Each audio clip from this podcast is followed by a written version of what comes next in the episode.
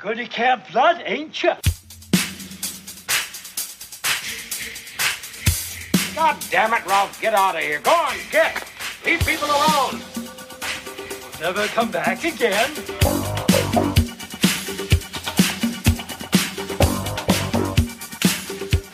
It's got a death curse.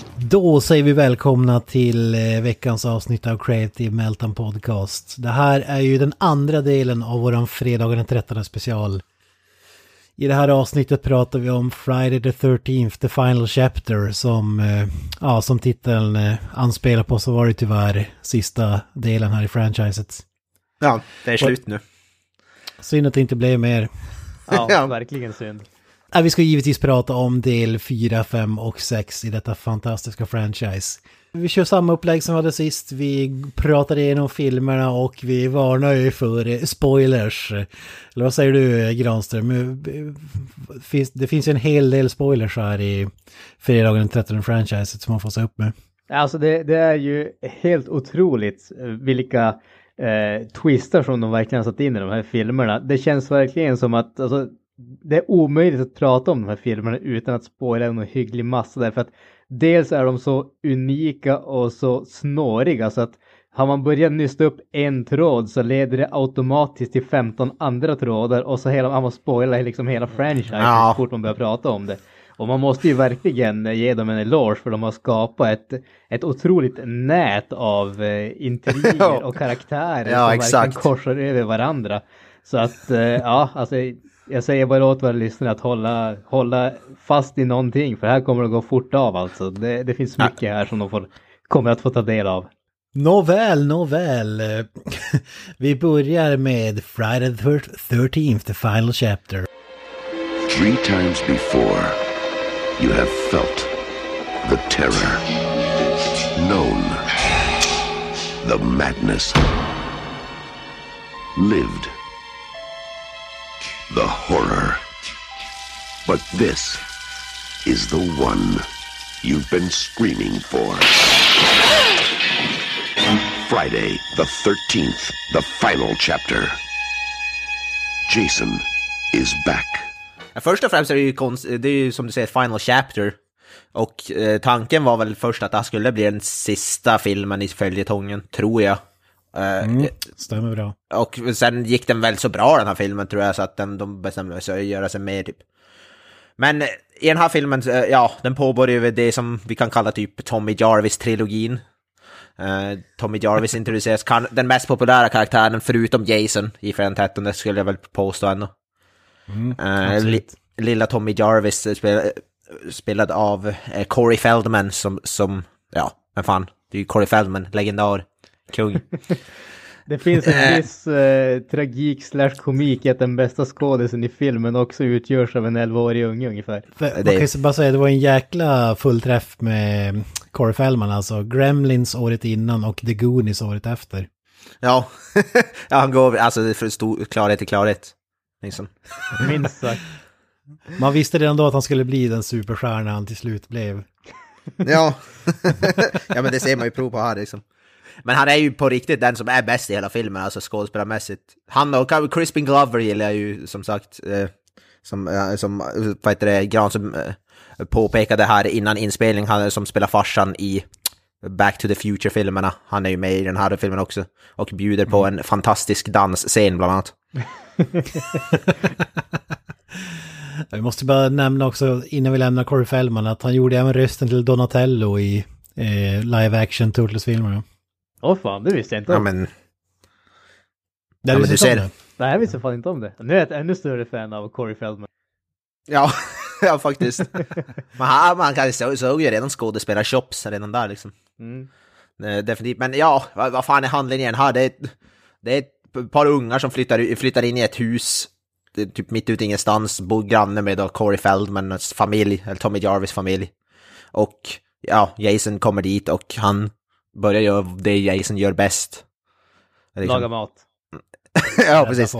Han, han gör en grym chili con carne, baserat Grymt. på mä- männi- människokött.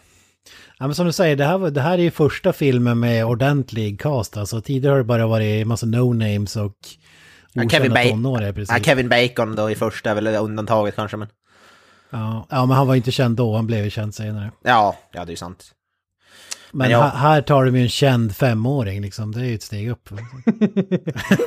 Ja, ja, det kändaste personen de haft med so far en ja, unge på typ 10 barre eller något. Det är ganska imponerande. Och barnskådisar brukar ju vara horribla vanligtvis i film, det kan väl nog alla skriva under på. Men här faktiskt kan man visa att det finns ju undantag. Med Corey Feldman är ju magisk alltså. Här kan man ju också visa att eh, problemet med den här filmen har väldigt lite med skådespelarna att göra och ganska mycket att göra med karaktärerna som ska porträttera. Ha! Nu vet jag inte vad du pratar om. Kent, vad, vad snackar han om? Jag, jag tycker det är skitsnack. Snacka goja. Som Jag, vanligt. tyck, Mm. jag tycker vi klipper här. Ja, Alltså, jag, är ledsen, jag, jag är ledsen grabbar, jag känner alltid att jag måste vara så här uh, contrarian, jag måste säga emot alla så jag får uppmärksamhet. Varför tog vi ens med Granström i den här följetongen? Jag förstår inte. Alltså Ja. vet du, det, det är en fråga som jag ställer mig själv dagarna i ända, alltså ideligen, om och om igen. Det är som Han- vi pratade om i del 1, sluta spela djävulens advokat. Vi vet att du älskar de här filmerna. Så inte... Han, hy, han hyllar Mindhorn, sågar fredagen den 13. Jag vet inte vad, jag ska, vad vi ska göra åt det. Och Final Chapter, alltså vi gjorde en undersökning här på sociala medier innan vi spelade in och den var ju överlägsen eh, största favoriten bland våra lyssnare så att säga. Och det, det anses väl även rent så här kritikermässigt, om man nu kan, kan dra den, så, så anses väl också vara den. Den, den är den mest välgjorda sett till eh, alltså känslan man har för budgeten och eh, som du säger castlistan och så vidare. Eller Ja. håller du med? Ja men det är ju så, för den här är ju, ja den har väl högst betyg av alla och den har ju, när Tom Savini kommer tillbaka första gången och man har tagit bort allt det här första persons perspektivsamhället och med morsan och det från första filmen, lagt till Jason, tagit tillbaka Tom Savini, lagt till lite skådespelare. Så, så det märks ju skillnad alltså. Uh, och ja, ja, det är väl, är för, det här är väl definitivt en av mina favoriter i serien skulle jag vilja säga, den ligger väl där i toppen. Definitivt. Mm. Men vi sa, vi pratade mycket om Tom Savini sist, men vi förklarade aldrig vem det var egentligen. Vi tog bara för givet att folk, och det, det borde man ju veta, men Mr. Ja. Boya, för den som inte vet, vem är Tom Savini? Tom Savini är, eh, blev främst känd som eh, makeup artist, eh, specialeffektsmästare. Ja, det var väl första fredagen den 13 som han blev känd med. Han, han stod för då, gore-effekterna, blod och så vidare. Eh, I dags, dagsläget kanske mer känd som skådis, sex machine from Dust Till Dawn. Men är ju en mästare på praktiska specialeffekter. Eh, och ja, ja, han är ju gud helt enkelt. Och eh, många av de här filmerna som han, alltså första fredagen hade varit en usel film om det inte var för han. Samma med här, då, Final Chapter. Och då så också såklart Sex Machine, eh, klassisk eh, karaktär som alla känner till med kukpistolen och allt vad det heter. Från Dusk Dawn. Man kan ju nämna, du sa att, eh, att han blev känd för den 13, men jag skulle vilja säga att det var Dawn of the Dead han blev känd för. Ja, ja Dawn of the Dead. Ja, den kom ut några år före. Ja, ja, ja det är ju en också det var där, eh, det, det var ju där de lyckades eh, värva honom då två år senare till fredag den 13 och det gav ju, är väl orsaken till att franchiset lever vidare. Eh, eller Oh ja. ja. om det nu gör det idag men. För det är var det som... tag eh, fick någonting nytt men eh, han har ju Ja. definitivt skapat ett, eh, ett legacy när det kommer till effekterna som vi hade i de här tidigare filmerna i alla fall.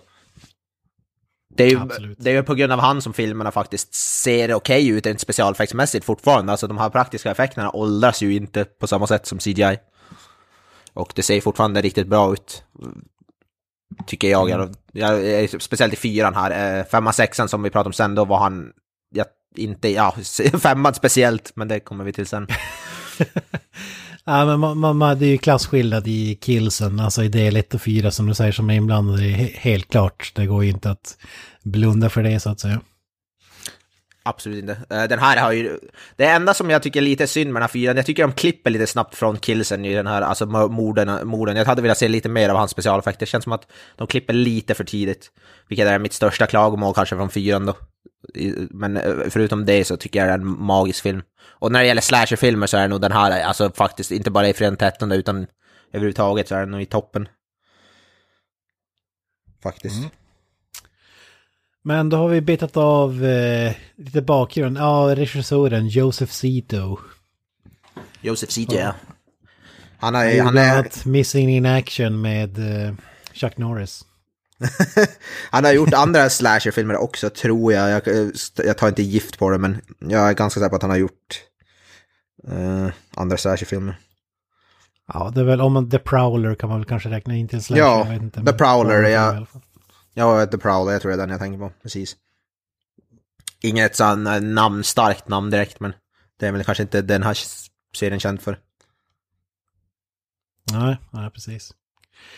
Ja, men det, den här filmen börjar som eh, de, de två tidigare vi har pratat om eh, med en recap och jag skulle säga att det här är den bästa recapen i serien. Man, man får ju verkligen, man, det är nästan så att man inte hade behövt se del 1, 2 och 3 för att se, se den här liksom. Nej, precis. De är ju kända som att det är typ, ja, typ tio minuter i början av filmen så är det ju en recap. Men, men här var de, den här var inte lika långdragen kändes det som och sammanfattar ändå på ett ganska bra sätt vad som har hänt och så vidare. Ja, mycket mer effektiv tycker jag. Jo, absolut. Och eh, för, första scenen här efter att vi fått den här ex- explosionen med eh, texten där, the final chapter, så får vi faktiskt en riktigt snygg så här one-shot-scen när poliser och ambulanser där de rensar upp efter, eh, den här utspelar sig direkt eh, anslutning till del 3 och det, det som hände där liksom när Jason Voorhees fick en eh, yxa i huvudet var det väl. Ja, vad har han inte fått i huvudet skulle jag vilja säga, men ja. Ja men det var väl så, det, det var väl så del 3 slutade att han eh, inom citattecken dog. Och eh, nu håller de på att rensa liksom ut liken, inte bara Jason nej, just det, nej, precis. alla ungdomar och sådär lastar in dem i, i bilarna och, och så vidare och eh, ja, det, det är väl vissa som är lite skeptiska där att de, att de ska bära in Jason för att de är rädda för att han ska liksom vakna till liv igen och, och så vidare. Det är det jag gillar, den utspelar sig som, alltså den är bara typ minuter eller timme, timmar efter den förra filmen har slutat liksom.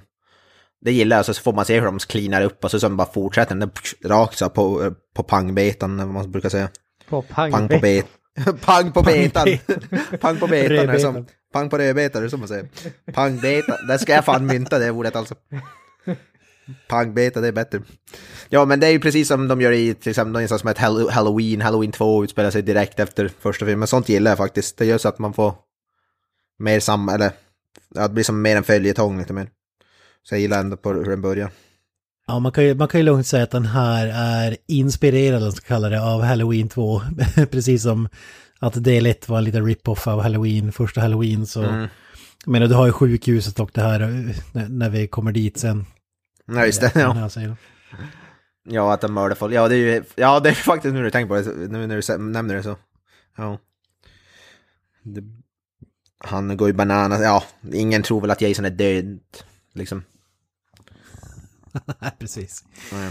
Ja, men de, de ställer upp där, man får se när de tar honom till bådhuset slash sjukhuset eller vad det nu är. Och där händer det grejer Granström. Eller vad säger du om läkaren eller vad man ska kalla det som, som jobbar på det här stället som tar emot honom? En fantastisk man som verkligen uppskattar eh, vad en eh, god kvinna kan ge, om vi säger så. ja, oj fan. Han, han som, som Corey Feldman eller Tommy Jarvis skulle ha kallat här patutsis. Han, han gillar sina nice patutsis. Och det, är ett, det är ett citat från filmen alltså. Alltså det, det är ju definitivt en eh, metoo-upplevelse som eh, är på väg att hända, om vi säger så. Ja, fan. Ja, li, lite creepy den här snubben, men han sitter och kollar på någon slags aerobics slash eh, mjukporr slash eh, vad. Ja, jävla gud. Det är, väl, han- det är som hans ja, underhållning så att säga. Samtidigt som han med, med Lena Handén då antar jag. Ja, plus att han har eh, sjuksystern där. eh, Ja, ja, sen får han ju faktiskt en riktig en. Sånt, ja. Helt hopplös är han ju inte. Och då vet man ju när eh, man börjar eh, idka samlag i närheten av Jason Voorhees, då kan det hända grejer så att säga. Ja, ja precis. Jason Voorhees uppskattar inte älskog. Nej. Ja, vad säger du? Det, det väl ju lite... Om jag minns rätt, det rycker väl till i någon arm eller någonting först. Så man ser att Jason kanske inte är helt död ändå. Ja, det blir ju det blir en ganska grymt slut här för bårhussnubben. Han eh, tar väl en såg och vrider huvudet av honom. Och eh, sjuksköterskan där lyfts väl upp i luften och får en kniv innan bröstet och så är vi igång så att säga. Ja, den är ju, ja, den är ju faktiskt ett brutalt bord, alltså, så där får vi första prov på Tom Savinis magi så att säga, in, in action. Alltså jag tyckte ju, speciellt när det kom till eh, tjejen, sjuksköterskan, kände ju jag att det var lite mer uppbyggnad där faktiskt när hon höll på i det där eh, lagerrummet eller vad det var. Det kändes som att snubben var lite mer, man visste som vad som skulle visste vad som skulle komma, känns dumt att säga. Det är inte så att man går in i en sån här film och blir förvånad över vad som händer. Men eh, det, det kändes som att det var mer uppbyggnad till, eh, till henne i alla fall. Så jag, ja, jag tyckte om eh, hennes dödsscen speciellt faktiskt. Mm. Får man säga så? Jag tyckte om hennes dödsscen speciellt mycket. Ja, ja. Ja, ja, det är det, det är ju den man ser de här filmerna för. ja, det är ju, de här filmerna gör ju när folk dör så är det kul, slash underhållande. Så ja, exakt. Vi klipper då till en uh, unge med en alien-mask som sitter och spelar någon slags uh, Amiga-liknande tv-spel. Och uh, då får vi säga att det är lillgamle Corey Feldman. Fy fan, alltså ja. Det går, inte, det går inte att säga nog om Corey Feldman, han förtjänar sitt eget avsnitt, egentligen. Nej, just det här med maskerna, det, det känns ju verkligen som att han är liksom en femårig Tom Savini. Alltså han har masker och specialeffekter och liksom eh, alla möjliga kostymer och grejer. Jag förstår, alltså jag fattar ju inte grejen med de där jäkla maskerna. Det, det kommer ju som aldrig tillbaka i filmen egentligen. Alltså, ja. alltså jag, jag, jag vet inte, inte ens, spoiler, spoiler. Inte ens i slutet när han ska likna Jason. Det enda som han gör är att ta på sig andra kläder och raka huvudet dåligt. Det har ju ingenting med maskerna att göra. I och för sig så är det ju ännu värre när de är med i femman, men ja, ja. Jag, jag har en teori att det här är ju masker som liksom Tom Savini har när han liksom lär ut, äh, åker ut på en sån här skolföreläsning eller någonting. Det är skit som är över helt enkelt. Och, och, sen, och sen använder de det och så har de liksom en film där mördaren har en mask och då ska det vara en sån här eh, koppling dit. Eller vad tror ni? Tror ni att jag är snett ute eller? Ja, det är säkert Tom Savini. Men de är ju välgjorda, maskerna, det ser man ju. Tanken är ju att han ska ha, han ska ha gjort dem själv, vad heter det, Tommy Jarvis i filmerna. Det är det som är som idén. Han säger ju det i en, i en nästa film som vi kommer att prata om sen.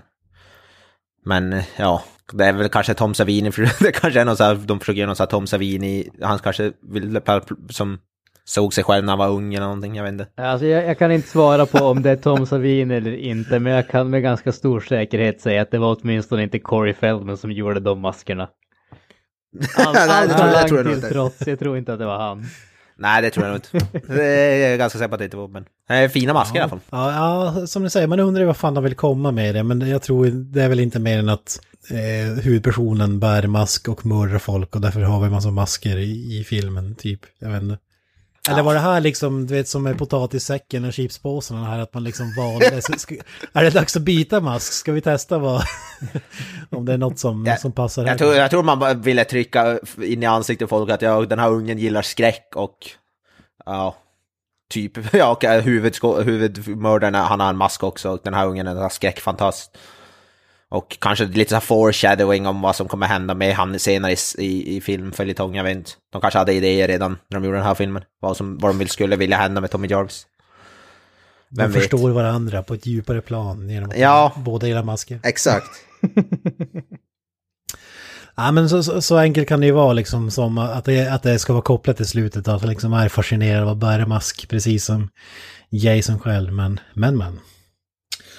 Sen kommer vi till den magiska dansscenen. Hur ska man beskriva den här?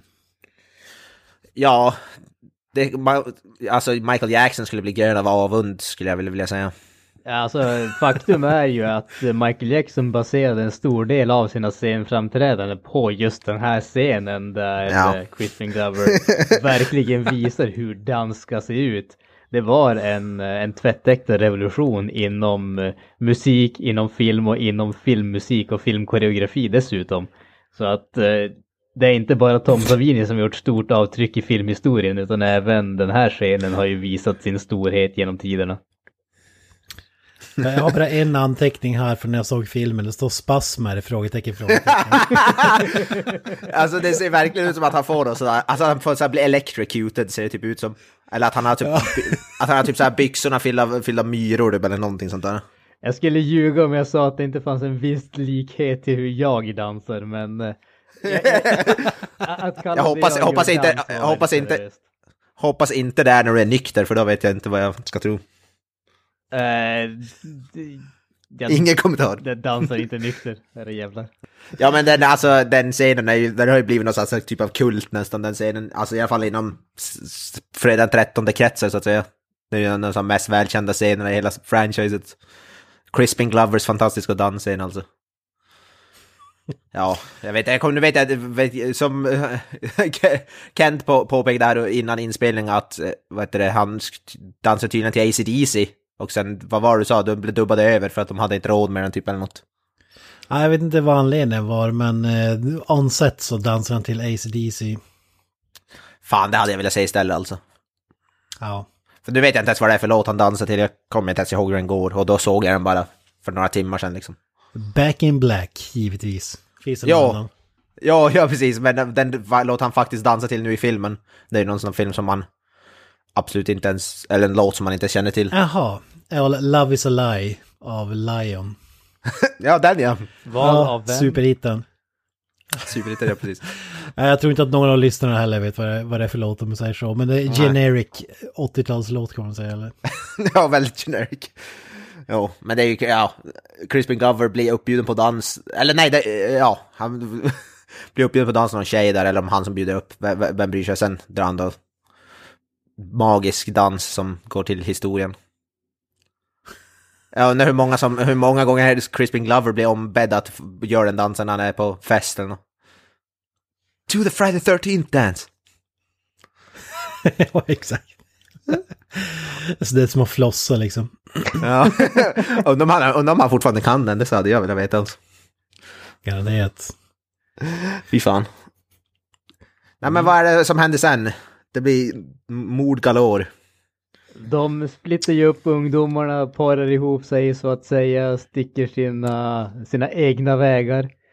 Eh, och eh, blir picked off one by one kan man väl säga.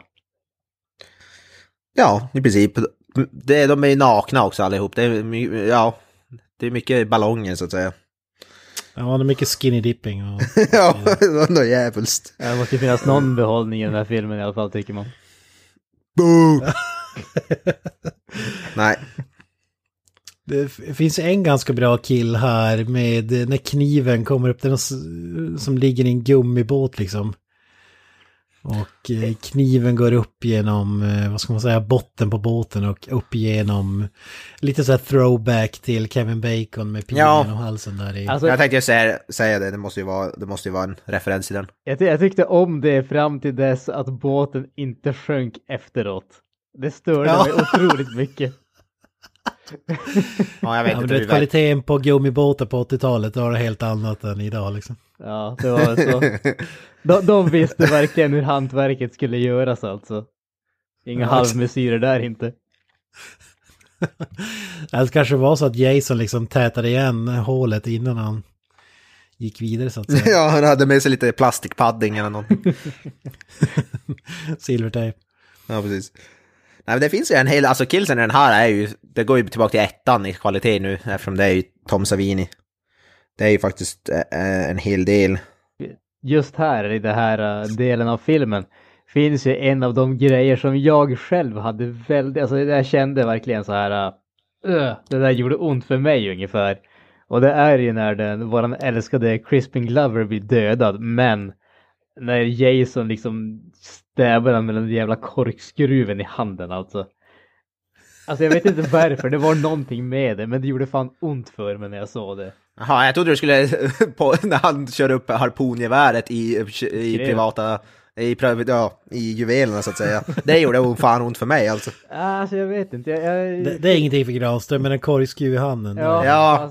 Nej, i och för sig, i och för sig har, har man inte något att skryta med så då kanske det inte gör så ont att kolla på. Vem vet? Nej då, jag har väldigt mycket att skryta med men du vet, anar inte hur ofta jag har fått harpuner mellan benen. ja, okej. Alltså, bara, vad Det, är liksom vardagsmat för mig. ja, det, där är, man- det där är måndag kväll för Granström. Absolut. Måndag kväll. Ja, det är så. Man gör det tillräckligt många gånger, då blir man ju van till slut. Så är. Ja men så är det. Det handlar ju om att push the boundaries så att säga. Det, det finns bara så mycket man kan göra med sitt eget skriv innan man känner att nu måste man ta över till någon annan kroppsdel.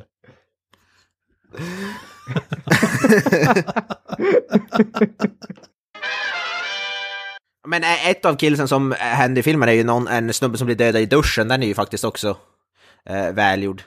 Jag vet inte om han... Eh, om han, ja, han, jag vet inte om han blir, vad heter det, han som blir slagen genom glaset på något sätt där. Och, och den, den är för sig faktiskt bra. Sen ser man han typ, jag vet inte om han är spetsad av glasskivorna där eller något sånt där. Men den är, det ser faktiskt rent visuellt bra ut. Och ser, lite- ser rätt äckligt ut så att säga. All, allting tack vare Tom Savini då så förstås. Som eh, in, inte en CGI så nära ögat kan nå så att säga. När man ska... Ja, precis. Ja, det, är- det är som en helt annan stämning i den här jämfört med del 3 till exempel. Det, det, det här känns ju mer som en eh, horrorfilm än, eh, än den gjorde också. Så, så det gillar man ju också. Och som du säger, just den serien är ju faktiskt riktigt eh, välgjord. Mm. Ja, den här filmen är ju lite mindre, där, förutom så danser och så, men den är ju lite mer seriös ändå.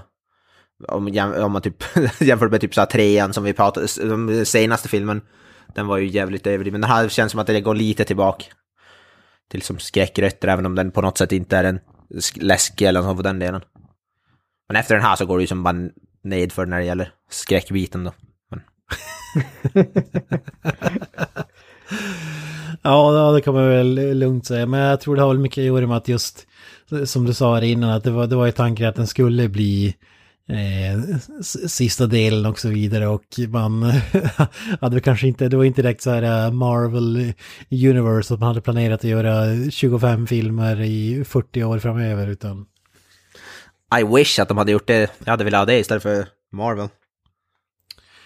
Ja, s- ja, ja, absolut. Men, men samtidigt, det är det som gör de här filmerna så magiska. Alltså att det inte fanns någon, det finns ju liksom ingen morgondag, utan man, man gör ju bara det, det bästa man kan göra, eller, eller vad man ska Ja. kalla det. av, av det som finns just nu, och man, man vet inte om den filmen kommer gå så bra att det blir en uppföljare, utan man, man det, det, det, det är det man saknar i dagens filmer, tycker jag, att det är så mycket som ska lämnas öppet för att vi vill ha 20 filmer till och vi är ett franchise av det, och, eller universe.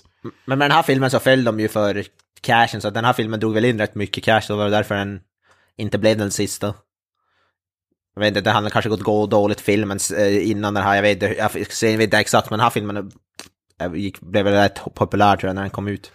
Ja, alltså den, budgeten var ju på 1,8 miljoner dollar och den drog in 32 miljoner dollar drygt. Ja, det är ju jävligt bra faktiskt. Ja, så det gångrar i pengarna ganska rejält. Mm. Hade det varit, hade det varit en eh, Avengers-film eller Marvel så hade det varit typ 5 miljarder dollar eller någonting, jag vet inte. Tre- 30 gånger sin budget liksom. Ja, exakt. Så det är ju ganska Ja. jävla bra. Ja, för att all, alla de här filmerna var ju liksom mm, independent producerade. Alltså, det, det var inte en sån här studio som flärpade upp eh, massa pengar utan de köpte sig upp av studior sen när de, när filmerna var klara liksom. Ja men det, man märker ju efter, alltså jag tror väl här är väl budgeten börjar gå upp lite grann också. Bara efter den här blir det väl bara dyrare skulle jag misstänka. De blir ju, de blir ju mer och mer banana så det går ju, alltså när det gäller specialeffekter och sånt där. Så ja, den, då, vid den här punkten, så när den här filmen släpptes var väl typ Fredag 30 större än alltså någonsin efter den här filmen släpptes i alla fall. Och blev populär. Yes, men ska vi hoppa vidare då? Mr. Feldman här, han, får ett litet eh, breakdown när eh, vi får givetvis en eh, slags final battle när han ska ta sig an Jason. Vad, vad säger du Granström? Hur ska du beskriva det här? En helt otrolig upplevelse som jag känner att mitt liv skulle ha varit fattigare om jag inte hade sett. Jävla upp, upp, upp, eller, Avengers mot Thanos, det är inte någonting i jämförelse. Nej, fy fasiken. Toby vs Jason, det är där framtiden ligger alltså. Mm. Nej, men alltså, jag... Alltså vi glömde Ja, jag, jag tänkte bara säga, vi glömde ju en scen där när han, vet Tommy Jarvis från jävla spel, han kollar genom fönstret på de här äh, älskande ungdomarna. Den, ja, alltså den scenen, jag vet inte vad Ja, fan det är. just fasiken. Det var en jävligt mysko-scen. Ja, Ah, som sitter och skriker för sig själv samtidigt som han som kollar på två nakna människor- på andra sidan gatan. Alltså, det, det känns som en sån här scen där regissören sa åt honom att göra en massa konstiga saker och sen klippte de in det som att det skulle se ut som att han reagerade på det som han såg och regissören hade ingen aning om hur man egentligen skulle reagera eller hur en, liksom en 11-årig unge skulle reagera på att se en naken kvinna ungefär. Men han kanske bara var excited för att se några som han kallar pa- patutsis. Ja. Så blev han, jävligt, han blev jävligt excited. Innan vi får the final fight, det här får vi inte glömma. Jag tror vi har inte pratat, vi har inte nämnt honom överhuvudtaget. Det är ju en snubbe som heter Rob som är med i den här filmen också. Eh, han visar sig vara brorsa till en, ett av offren i tvåan, tror jag att det är. Och han har kommit till Crystal Lake för att typ jaga Jason, eller döda Jason.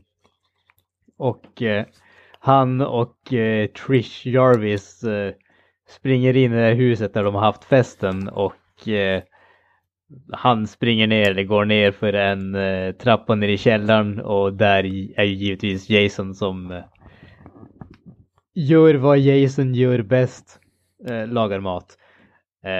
Men han har ju, han har ju filmens absolut bästa replik när han blir dödad.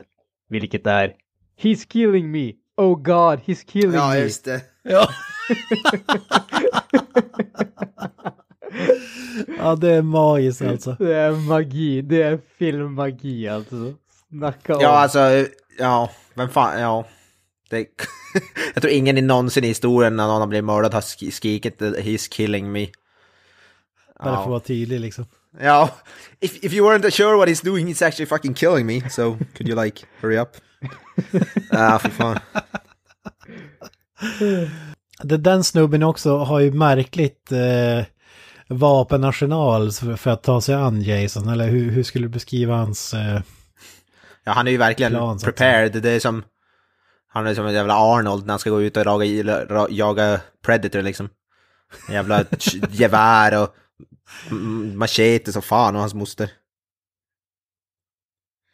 Ja, han är ju, ja, men han, han är ju där för att hämnas på Jason så att säga. Så det är klart han måste vara förberedd. Alltså det, det jag tycker om med den karaktären är ju att han är ju faktiskt proaktiv. Han väntar inte bara på att se att någonting händer andra för att göra någonting. Han vet att shit's going down och han har förberett sig. Han är där för att göra upp ungefär. Det tycker jag faktiskt om med han. ja, det är, det är intressant. Det är inte... Det har ju inte kryllat av den typen av karaktärer direkt eh, tidigare här. Man, där det blir en så här riktig protagonist eller vad man ska kalla det. Ja men precis. Jag vet inte om jag ska gå så långt och kalla honom för det, men... typ. Jag Måste jag honorable mention också, jag glömde nämna det här i början, den här uh, hippie-tjejen som sitter och protesterar av någon anledning ute i skogen. Just det. Eh, Håller du upp någon så här, vad fan är det? Peace någonting, någon sk- skylt. Och så liftar. Och sen, och sen när de kör förbi så vänder de på den så står det fuck, fuck off eller fuck you. Ja. ja men hon får ju eh, meet her maker så att säga när hon käkar en banan och då får vi ännu en Kevin Bacon throwback. För att du får ju nämligen en kniv genom halsen den här gången så går ut eh, från baksidan av hennes kropp och så ut genom halsen på, på framsidan. Mm. Ser riktigt bra ut som hon faktiskt. Så. dreglar ut eh, bananresten liksom. Ja, så ser man hon så kniper i åt bananen så den blir till mos. Det, är, må, det är många sådana scener också i, i den här tyckte jag. Var det inte någon, äh, kanske en av mannen, men så att någon som kramar sönder mat samtidigt som de blir mördade. Jag tycker det händer flera gånger. Ja, det är i, eh, i femman händer det också. De kram- kramar Ja. sönder en tomat tror jag att det var. ja just det. Ryggrads... Eh, ja, exakt. movet liksom, krama sönder Mm. en banan. Ja. Nej men det är också en alltså, så här, bra kill, det ser ju bra ut. Och så. Man ser ju att det är lite så plastigt eller latex runt halsen, men alltså det kan man ju köpa. Det, men det ser ju fortfarande ändå trovärdigt ut. För, för sin ålder, eller vad man ska säga. Ja. Jag hade velat se en, hur Tom Savini, jag vet inte, jag tror inte han gör så mycket specialeffekter nu för tiden, men en modern film han faktiskt får använda sig av kanske lite modernare praktiska specialeffekter, vad han skulle kunna göra med det, för det tror jag hade kunnat bli grymt. Tänk en fredag den 13, en ny med, vad heter det, Tom Savini liksom. Drömfilm. Men ska vi gå tillbaka till, eh, Innan vi går tillbaka till Tommy Jarvis finns en till kill som vi inte har tagit upp. Det är ju snubben som får, får macheten rakt över hela ansiktet. nej just det. Är när de är inne i huset där en Jason tar sig in. Och strax efteråt så eh, tar ju Jason, han klättrar upp på liksom fasaden. Jag tror att det är på typ andra våningen eller någonting. Och så får vi det, det har vi också sett tidigare i franchiset, när han liksom kommer genom glasrutan. Eh, tar tag i henne och liksom kastar ut henne så hon flyger ju fan som Stålmannen, alltså flera meter rakt ut genom det jävla fönstret och dör liksom. Det är fan magiskt det också. Det är må- många machetes i ansiktet alltså, genom hela franchises. Ja, men det, det, det, det är någonting som är så jävla kul med dem för att de går ju som inte att göra det på ett snyggt sätt utan att det ser så här uh, lust, lustigt ut. Alltså det har en sån här plastmachete i facet. Och så an, bara ansiktsuttrycket när du ser dem där över hela jäkla ansiktet. Men det är, så, ja, men det, som är, ja, det som är så roligt med dem där också, de sitter som, ser inte ut som att de sitter djupt eller som, som de ser ut som att de sitter på utsidan av ansiktet och att egentligen kanske inte borde döda dem. För hade man tagit i med en machete och slagit någon sån där, då borde ju som huvudet ha gått av i princip. Så det är så, så jävla konstigt. Och alltid så ser, man att de kl- så klart och tydligt sitter som på utsidan av ansiktet. Det är som så obvious. Som du säger, de går ju liksom inte att göra. Jag förstår inte varför de envisas med att alltid ha en sån kille, typ alla fredag den 13. Någon som får machete i facet sådär. Exakt på det sättet också. Ja, jag skulle bli besviken om jag inte fick en sån i varje film. Alltså. Ja, alltså det är ju, det är ju charmigt, men det, för det, alltså, det, det make ingen sense, så att säga. Men det bästa med Men dem det- är att de, att de alltid sitter fast i ansiktet. Det är det. det Ja, så ja de, de, lossnar ju, de lossnar ju aldrig. Ja, det är magi alltså. Ja, ja nej, nu är det jävligt.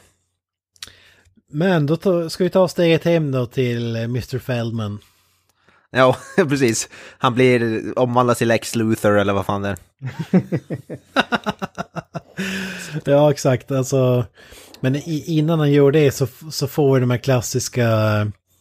Eh, ja, de, de fi- fi- fightas ju bort dem och så vidare. Och så är det någon snubbe som blir på korsfäst ute på...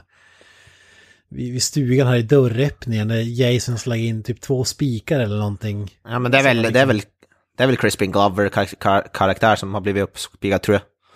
Ja. Han- Dan dansmannen, det är väl han som har blivit uppsatt där, tror jag. Jag kan ha fel. Det är så jävla kul för då kommer någon som ska springa ut utanför dörren så ser de honom bara ah, okej här, här hänger han uppspikad. Och så börjar det flyga in folk genom fönstret liksom som har diverse verktyg spetsade i huvudet. Men sen när de ska ta sig ut ur dörren, då hon ser ju den där, så då hoppar ju hon ut genom fönstret. Så sen går Jason, han går bara rakt igenom den snubben som är korsfäst, så att han som slits loss från nålarna. No, no, nålarna. Han bryr sig inte. Men alltså hon bara, åh fan, jag kan inte krypa typ under det liket, jag slår sönder en ruta istället. Men det är det som är så meningslöst som spika upp honom. Alltså, vad är det på för effekt? Eh, Jason, Ja, ja? Jason, Jason är en showman så att säga. Men, Det handlar ju om att Sk- ge publiken vad den vill ha så att säga. ja, Han liksom mördades David Copperfield. Han vill ha... ja. det är ju en artform för han ju. Trish uppehåller ju Jason medan eh, Tommy gör sin grej. Sin grej har ju alltså att göra med de här maskerna, specialeffekterna, vad man ska kalla det. Vilket slutar med att han eh, låtsas vara Jason genom att ta på sig löjliga kläder och raka huvudet, vilket inte har något som helst att göra med maskerna som vi har fått se i de filmer tidigare. Men whatever.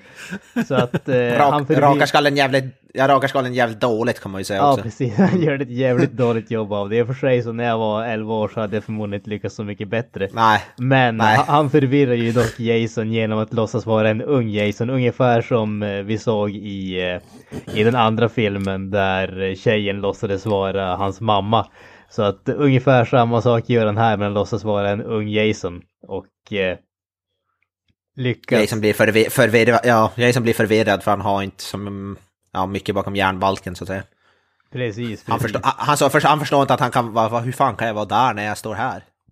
Han undrar ju bara, vad, vad fan gör en ung Uncle Fester från familjen Adams här? det ser... ja, vi fan.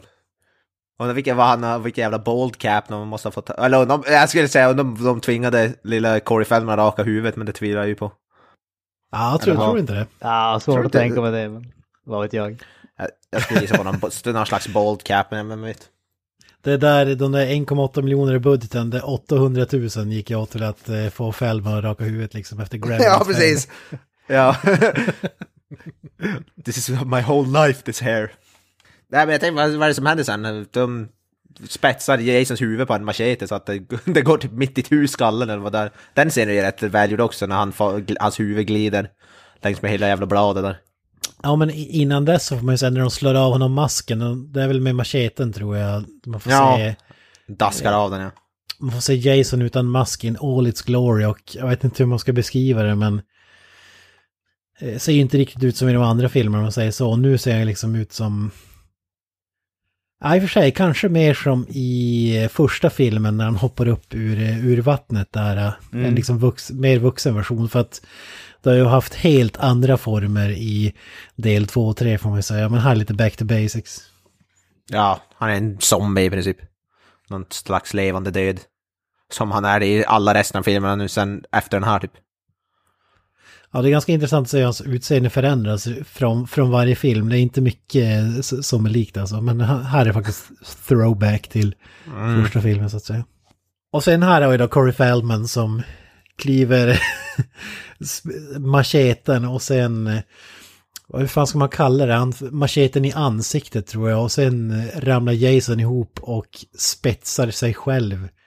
På Ja. macheten, liksom slider efter bladet på något sätt mot golvet. Det, är fan, den, är, den var fan upp, nästan, tycker jag, rätt äcklig. Den var fan välgjord den scenen tyckte jag.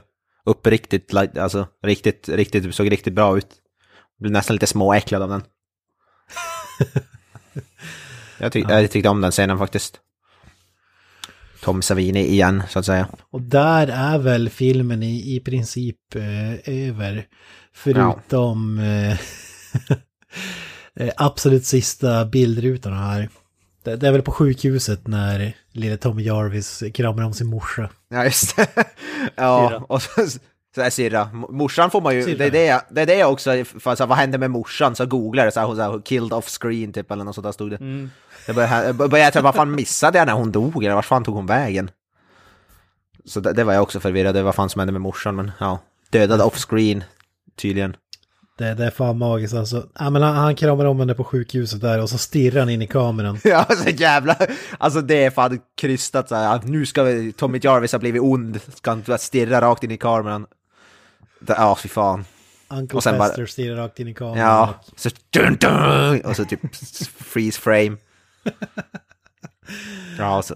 Och då ska man Verkligen. antyda att han liksom har tagit över rollen som den nya Jason, eller går det att tolka på något annat sätt? Ja, typ. Det var väl åtminstone det som var tanken. Ja. Ja, precis. För det, det var liksom så här gulligull, ja men åh, hur är det? Och så sen bara, som att han liksom byter skepnad, att han liksom blåser henne ungefär. Och det är ju exakt också som i Halloween som vi sa tidigare, då blev ju, vet du, den här lilla, eh, lilla tjejen i någon av filmerna där, sen hon blir ju exakt samma sådär, det blir typ Michael, nya Michael Myers i princip. För de som har sett alla Halloween, så det är extra, där är också såhär copycat till Halloween. Ja, den har, den har ju väldigt många eh, kopplingar till framförallt Halloween 2 då, så att säga. Så Mm. det är väl vad det är. Men eh, vad, vad säger du Granström? Du, du var ändå inte övertygad om den här filmens storhet alltså? Nej, alltså jag måste erkänna att den, den känns... Jag tycker absolut att den är välgjord, men den är alldeles för lik de tidigare filmerna för att jag ska uppleva att den är någonting speciellt helt enkelt. Det, jag tror att det är där det, det sitter för mig. Jag tycker inte att den är liksom en katastrofalt dålig eller någonting åt det hållet, men jag tycker inte att den är höjdpunkten på serien som många andra verkar tycka att det är heller. För mig är det att den är lik de andra, men de har bara gjort allting bättre. Det är samma fast av bättre kvalitet, skulle jag vilja säga. Typ trean fast bättre gjord om trean var en bättre gjord film. eller, två, eller tvåan för den delen. Ja, jag, jag håller nog med om det här. Alltså, det, den, som du säger, den är, den är väldigt lik, men det är som att Ja, det, det är först nu vi har lite pengar och resurser för att kunna göra det här på riktigt så, så, så nu gör vi den om. För det även om det liksom tar vid en, de gamla filmen så här känns det ändå som något helt eget och samtidigt avslut på, Mm. på något sätt på, eh, som det var tänkt så att säga. Ja. Alltså, som sagt, en, jag älskar den här filmen. Jag tycker det är bland slasher-topparna, alltså inte bara i Fredagen 13 utan överhuvudtaget. Jag, jag tycker den är fruktansvärt bra. Ja. Ja, vår recension gör den inte rättvisa så att säga, utan den, den är ju väldigt välgjord. Alltså det låter som att vi pratar om samma film som vi pratade om de Ja, ja. delarna, men, men, men det, det är ju faktiskt inte det. Allting, men det är, svår, det är svårt att beskriva varför, men, men det är bara bättre gjort, bättre filmat, som vi säger, one-shot-scener och liksom ka kamerajobbet och hela den där biten, är bara det är en stor förbättring. Skådespeleriet kanske framför allt. Oh, ja, Corey Skådespeleri... Os Oscar Snubb. I- Ingen, ingen, det enda som är minus är ju om att ingen Ralph har vi ju. Ingen Death Curse. Nej, Death Curse Man, den, den saknar ju. Då hade det ju varit liksom 11 Det finns fan- det 10, finns ju som ingen- det 10, finns- 10.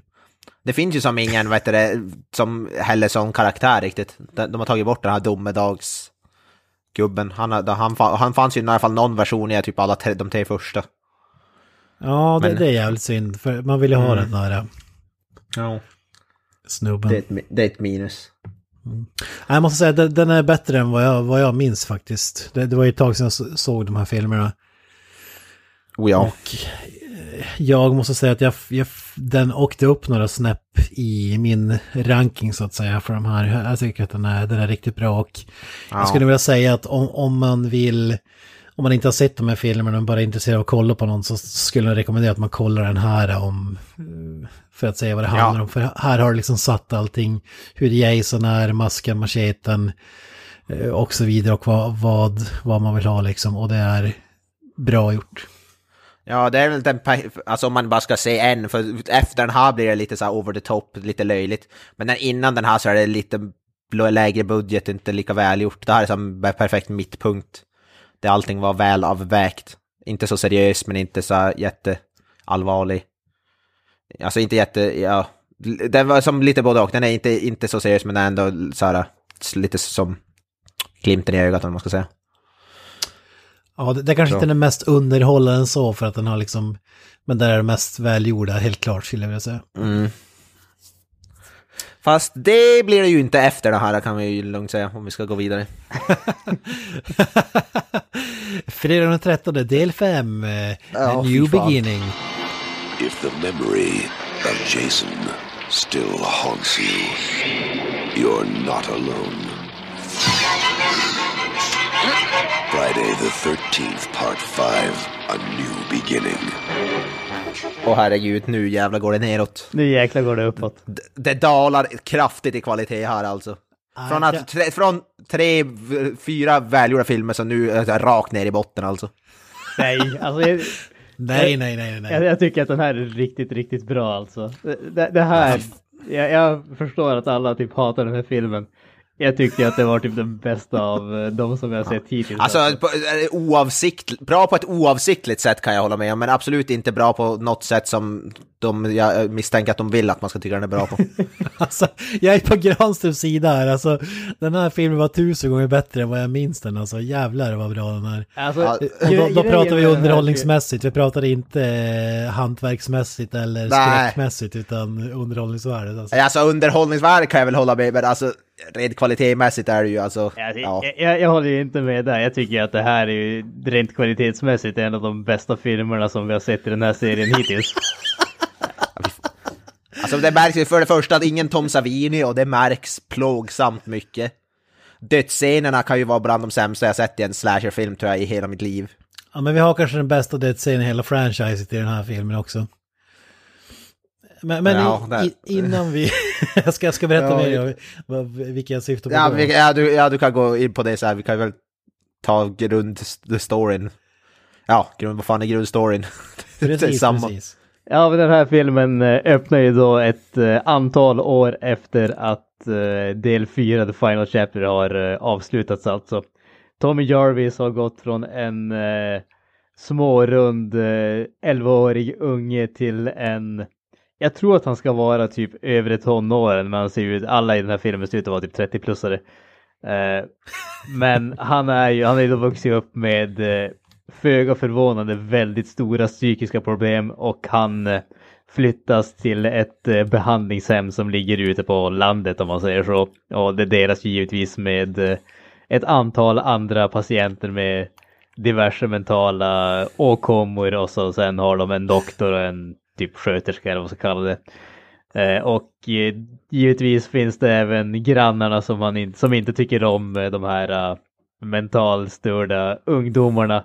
The Hubbards som är ju alltså de mest fantastiska hillbilly-typerna typ någonsin i, i filmer. Nå någonsin. Alltså, jag älskar verkligen de karaktärerna. Jag tyckte de var fantastiska.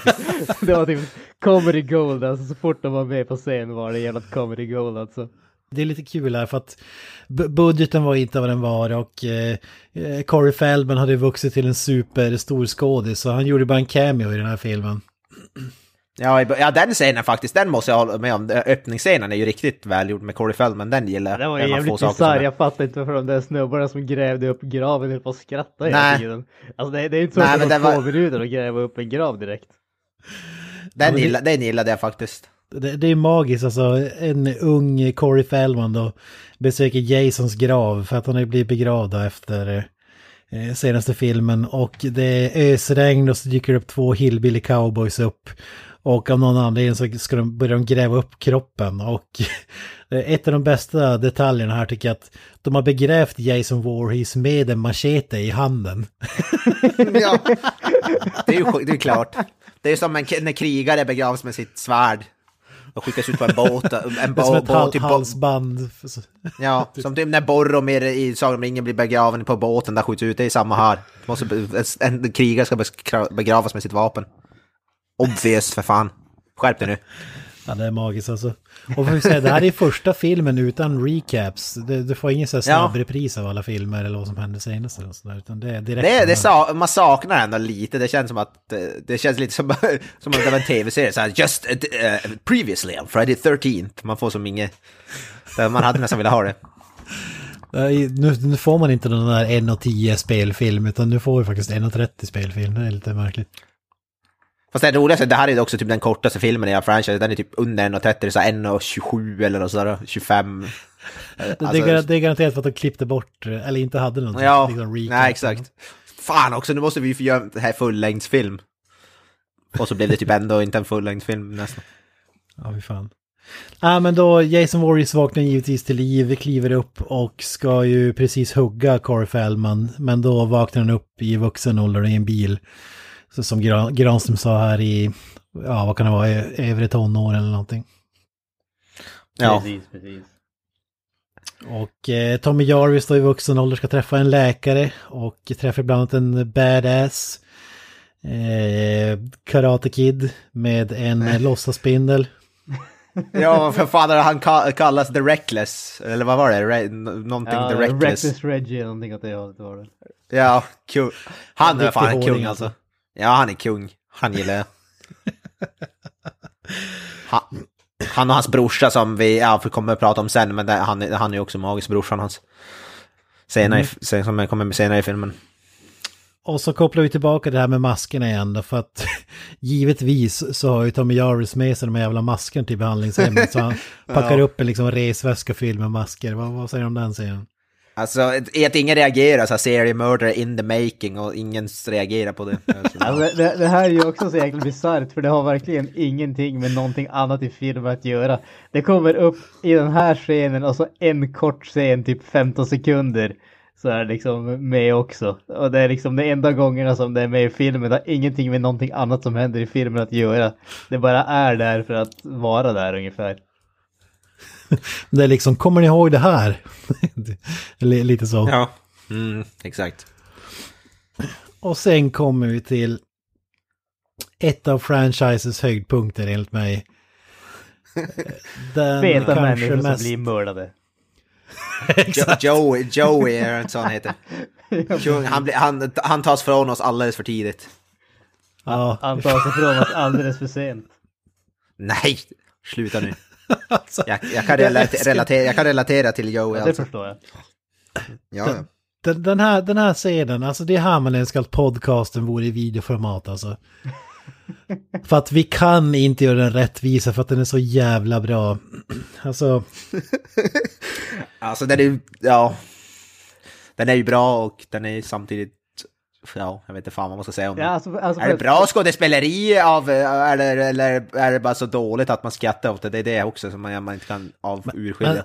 men, den- här snubben ser ut som typ John Candy med Jonah Hills hår ungefär. Alltså, Ja, de två hade kunnat få ett barn så. så, så Alltså, det alltså för, att, det. eh, för att låta våra lyssnare förstå vad som händer så har vi alltså Joey som är en eh, typ överätare som eh, går omkring och käkar på choklad och har choklad smetat runt eh, munnen och på fingrarna och sådär. Han ser två tjejerna som håller på att hänga upp eh, tvätten och går dit för att eh, mer eller mindre försöka tvinga till sig, tvi- tvinga på dem sin hjälp med eh, med vad heter det, med att hänga upp tvätten. Och han smutsar ner Ja. tvätten, han blir utskälld av dem och blir ledsen och liksom förnärmad och sånt där. Joey går ju di- dit till den här snubben som står och verkligen dödar eh, träden med yxan och försöker få honom att eh, erbjuda sin hjälp. Han erbjuder honom eh, vad ska man kalla det, mutor i form av choklad. Han har en extra chokladbit inne i tröjfickan eller vad man ska kalla det. Han det är blir- hans eh, fredspipa på något sätt. ja men precis, fredspipan där. Han blir hårt dissad kan man väl minst sagt säga. Hi, Vic. Get lost. Come on, don't be like that. I'm gonna help you with the wood today. And anyway, uh, I got two chocolate bars, see? Don't tell the girls. What an asshole. You know, Vic, before I came here, I, I never had anything to do, me being an orphan and all. People always uh, teased me about sitting around like some kind of pig or something. But here it's different. I can I can help others and do a lot of things. You know something? I really love it here. I hate it. You know, um, to be perfectly honest with you, uh, I never really chopped wood before, but it certainly looks like fun. Leave me alone!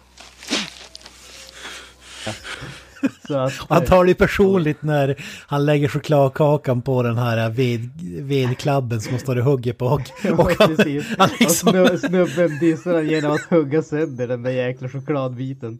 när han har huggit sönder den jävla chokladkakan, då, då, då tände han ju till liksom och, och då blev jag ju förnärmad liksom. Alltså nu, nu får det fan vara nog alltså. Så ska så han börjar skälla ut den här psykopaten bara. If that's the way you want it. Och så har han den här, vi kan väl klippa in den här för, för lyssnarna att höra hur det låter. Vic, want a bite? Here, I'll just put it over here. And later on, when you're hungry, you can have it.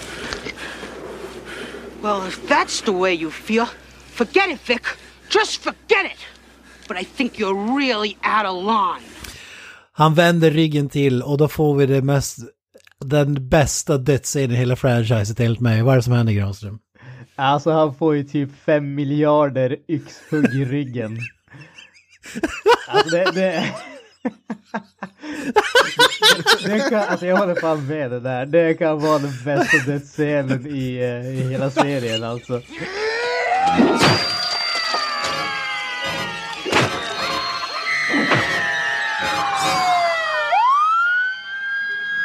Den är grov och galen och som var helt unhinged.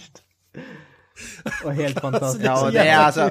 Men jag gillar allt- alltså allt- alla, alla, de blir ju som för, men det är som sen carry them the on bara som att ingenting hände efteråt. Alltså visst, det kom ju dit polisen, men när de tagit bort liket sen bara, ja ja, okej. Det var, bara, det var en onsdag kväll liksom. Det det är så jävla kul att allt han ville göra var att erbjuda en chokladkaka. Han hugger, hugger den med en jävla yxa och då blir han förnärmad. Och då så slutar med att han blir dödad för det. Ja. Det är så jävla bra. Jag, alltså- skratt, jag skrattade högt så jävla länge när jag såg det. Jag spolade tillbaka och såg den minst fem gånger i alla fall. För att det var så jävla kul man får det hugget i ryggen. Alltså, fan minen han har alltså. Alltså scenen där han går upp till tvätten, där, det, jag vet, för er som har sett en film som heter, jag tror det är Nattbuss där, där jag fick grus på korven, jag kommer att tänka på den scenen också. Nattbuss När de dammar av 807, ma- ja. De fick få, när de får, vad heter dammar av mattan där, jag fick komma att tänka på den scenen av någon anledning. Åh fy fan. Ja, det, det är så jävla magi. Alltså, om man, det finns ju säkert på YouTube eller någonting, men om det är någonting man ska säga för fredagen 13 franchise så är det den här scenen alltså. Åh, helt herregud. orelaterat till någonting annat i serien, men den är ju jävligt underhållande. Alltså, alltså jag tror på riktigt att det är min favoritkille, alltså just för att den är så jävla rolig. Alltså hela uppbyggnaden och så säger orsaken till varför han blir mördad. Ja, det Men det är så, så roligt sen när man får se liket, det är som upphackat i små delar, sen ligger en arm där och så en, ett ben där. Och det, är det är inte att han bara högg han typ i ryggen så här några gånger, liksom, han som kuttade upp han i små delar. Det är det som är så humor också. Och så är det så jävla bra när läkarna kommer där och, och så det drar han bort skynket och så är ena armen lös då. och så säger han, säger han bara bunch of pussies för att de inte klarar av att säga en, en lös lem liksom. Ja, de är, jag ska bara säga att de är, det är ju manliga sjukskötare också och de identifierar kroppen och får se vem det här var och man kan säga att en av dem blir ganska besviken när de får reda på vem det är som har dött. Men det, det är ingenting mer med det så går deras Nej. liv vidare så att säga. Nej, precis. Kan ju, om ni som följer med då i våran följetongen, så kan ju lägga märke till en av de här äh, ambulansskötarna kommer vara viktig sen för storyn så att säga. Utan att av- avslöja för mycket. Han, han ställer lite frågor och som är lite konstiga. Ja, exakt. Men jag tänkte just påpeka, det är väl också i början där när någon, när eh, Tommy Jarvis går bananas och kör alltså ett, ett wrestling move som skulle ha gjort Triple H och The Rock avundsjuka liksom. Alltså det, det var ju verkligen, eh, jag tycker ju om det, alltså snubben, det, det, det är det jag menar, det är därför jag tycker om den här filmen. Det finns faktiskt karaktärsdrag i den här filmen. Han eh, visar en eh, skådespelartalang i den här filmen tycker jag, den här skådisen. Eh, och vi får ju faktiskt en wrestling move som, som du säger, utan dess like och kommer från i stort sett ingenstans. Ja, det är kung. Han har tränat eh, Tommy Jarvis uppenbarligen. Jag började så fundera när, jag, Ja, ja. när vi såg han typ första från början att han såg liksom oväntat rippad ut för att vara liksom mentalt störd och varit inlagd på liksom sjukhus och sådana grejer. Att, Okej? Ja, propp, proppad med mediciner och allt Ja, möjligt. precis. Och nu- Och här här och får vi han som- förklaringen till varför. Det är ju för att han har gått omkring och gjort wrestling moves på alla som eh, kollar Ja, exakt. på honom. Kör, gör en perfekt half Nelson eller vad fan det nu kan kallas. Ja, Ja, det är fan magiskt. magiskt alltså. Och då Nej, kommer man ju utsökt att tänka på Miguel Núñez som spelar DJ i Street fighter filmen Han, han dyker ju upp här med hockeyfrilla och Michael Jackson-stuk. Eh, visar sig att han är eh, storebror till, till eh, en unge här. Som var ungen med på hemmet också, visst var det så? Hans farfar jobbade Ja, där? precis. Var det så? Kocken är ju hans det. farfar. Mm. Ja, just det, så var det, så var det. Han var inte inlagd, inlagd Nej, fem bar eller nej. Nej, han, är- han är väl typ den enda av ungdomarna som faktiskt är vid sina sinnesfulla bruk om man säger så. Ja, Ja, men här, här är ju, det är ju stjärnan i filmen då som sagt. Miguel Núñez, DJ från Street Fighter. Vad, vad säger du Granström? Ja, alltså, är det han det? Jag har ingen aning om att det var han. Fy fan. Det, det var ju ett... eh, ja, det, det var en upplevelse alltså. Nej men alltså vi har ju uh, Demon som han kallas. Det är ju brorsan alltså. Eh, Mm, som är exakt. eh, Miguel Núñez. Uh, ska vi hoppa redan till den här Nej. biten där vi får alltså den här filmens bästa komiska eh, prestation. han är inte med mycket i filmen alltså men... Han lämnar spår. En, en, enchiladas är för evigt för inbränt i mitt minne alltså. Alltså den, den där, alltså den, den där lilla hoppspringen och så kallar det småstegsspringen när han är på väg till utedasset alltså. Den är så perfekt alltså. Det, Men det är som en sån här cartoon, alltså att han håller sig typ för öven när de ska spela, det är typ i princip, alltså som, som det vore typ så här, ja, inte fan vet jag. Saturday morning cartoon så att säga. ja, alltså det, det snubben visste vad Han han gick ju gjorde. också vidare till fantastiska verk senare i karriären får man ju säga. Eh, ja, alltså fy fan, han är ma magiskt. Har alla så här, när han kommer och hälsa på honom så här, do you want some pizza? Han bara enchiladas, så här, mat som ligger på golvet som man tar upp och typ bjuder bara, oh, you hungry? You want a pizza? Jävla bra alltså. Så, eh, pepperoni cheese. Man älskar att han liksom bor i en van också. Ja. alltså det är så här hippie, hip, hippie deluxe, verkligen. Sen går han eh, nära ett utedass också såklart. Får lite, eh, de här enchiladas som då är så, som är så populära. Eller som nu är det som en legend, enchiladas, alltså fy fan. De, de, ja. ja. Den här scenen går inte att beskriva med ord, den måste upplevas. Ja. Vi har ju eh, Demons tjej som är med här, Anita också. Och hon får ju, alltså det här är en dum sak att kommentera på, men som du sa Avoya, man saknar verkligen eh, Savinis eh, bidrag till filmen och här ser det ju verkligen ut som att när hon har fått halsen avskuren, det, det är någon som har liksom kletat på lite ketchup på halsen på henne ungefär. Det, det är verkligen på den nivån. Men det är det med all, alla killsen i den här filmen, alltså man ser att de, han sticker en kniv utifrån, alltså, för, för, alltså man, man ser inte vars kniven hamnar eller någonting, så ser man någon som faller död ner. Det är typ 99% av killsen i den här filmen alltså. Alltså man, kn- kniven kommer och sen typ lite blod på väggen typ. Så det är sådana kills i den här filmen, om och om igen, för de kan inte göra, de vet väl, de såg väl fjärde och bara ja, vi kan inte göra om det här utan Savini, så vi får fejka det. Fake it till you make it, så att säga. ja, de brände ju all krut på första killen här. Ja, ja det är väl all budget gick väl dit. Ska vi hoppa till moppekillen kanske, Granströms favorit? Ja, jag vet inte vad jag kallar det, moped, men ja, ja, alltså vi har ju Junior, Junior the Hillbilly alltså. Eh, han, eh, alltså, vad ska man kalla det? Han blir spöad och han får ett psykbryt som innebär att han kör runt på sin crosshoj på bakgården i typ en stor cirkel där han kör upp på typ eh, altanen eller vad man ska kalla det på eh, utanför dörren och liksom hoppar ner i den och kör runt och runt och runt och runt. Fram till dess att eh, någon eh, hugger huvudet av han. I farten så att säga. Ja, det är så They jävla hurt kul. me mama! They hurt me! Det där är också en scen som, alltså man gör den inte rättvisa när jag pratar om den nu liksom. Hur, hur ska man beskriva att han ser ut? Han ser ut som en sån här... äh, Alltså jag, jag tänker ju ungefär eh, Randy Quaid när han var som galnast och 25 år yngre. Jag tänker mig typ The Hills of Ice eller något sånt där tyckte jag, så hillbilly, alltså, mountain folk, typ, typ missbildade tänder, rednecks. Det, det känns som att de skulle kunna vara mördare i sin egen film liksom. Men han skulle kunna vara från en sån här tidig Adam Sandler-film nästan känns det som. Alltså, Ja. typ, lite så. Ja, typ. Ja, för att det är, lite, det är lite mer komedi än skräck. eh, Alltså ju- just de här morsan och sonen, de ser ju väldigt... Ja, vad ska man kalla det? Överdrivet komiska ut liksom. Men de är ju magiska.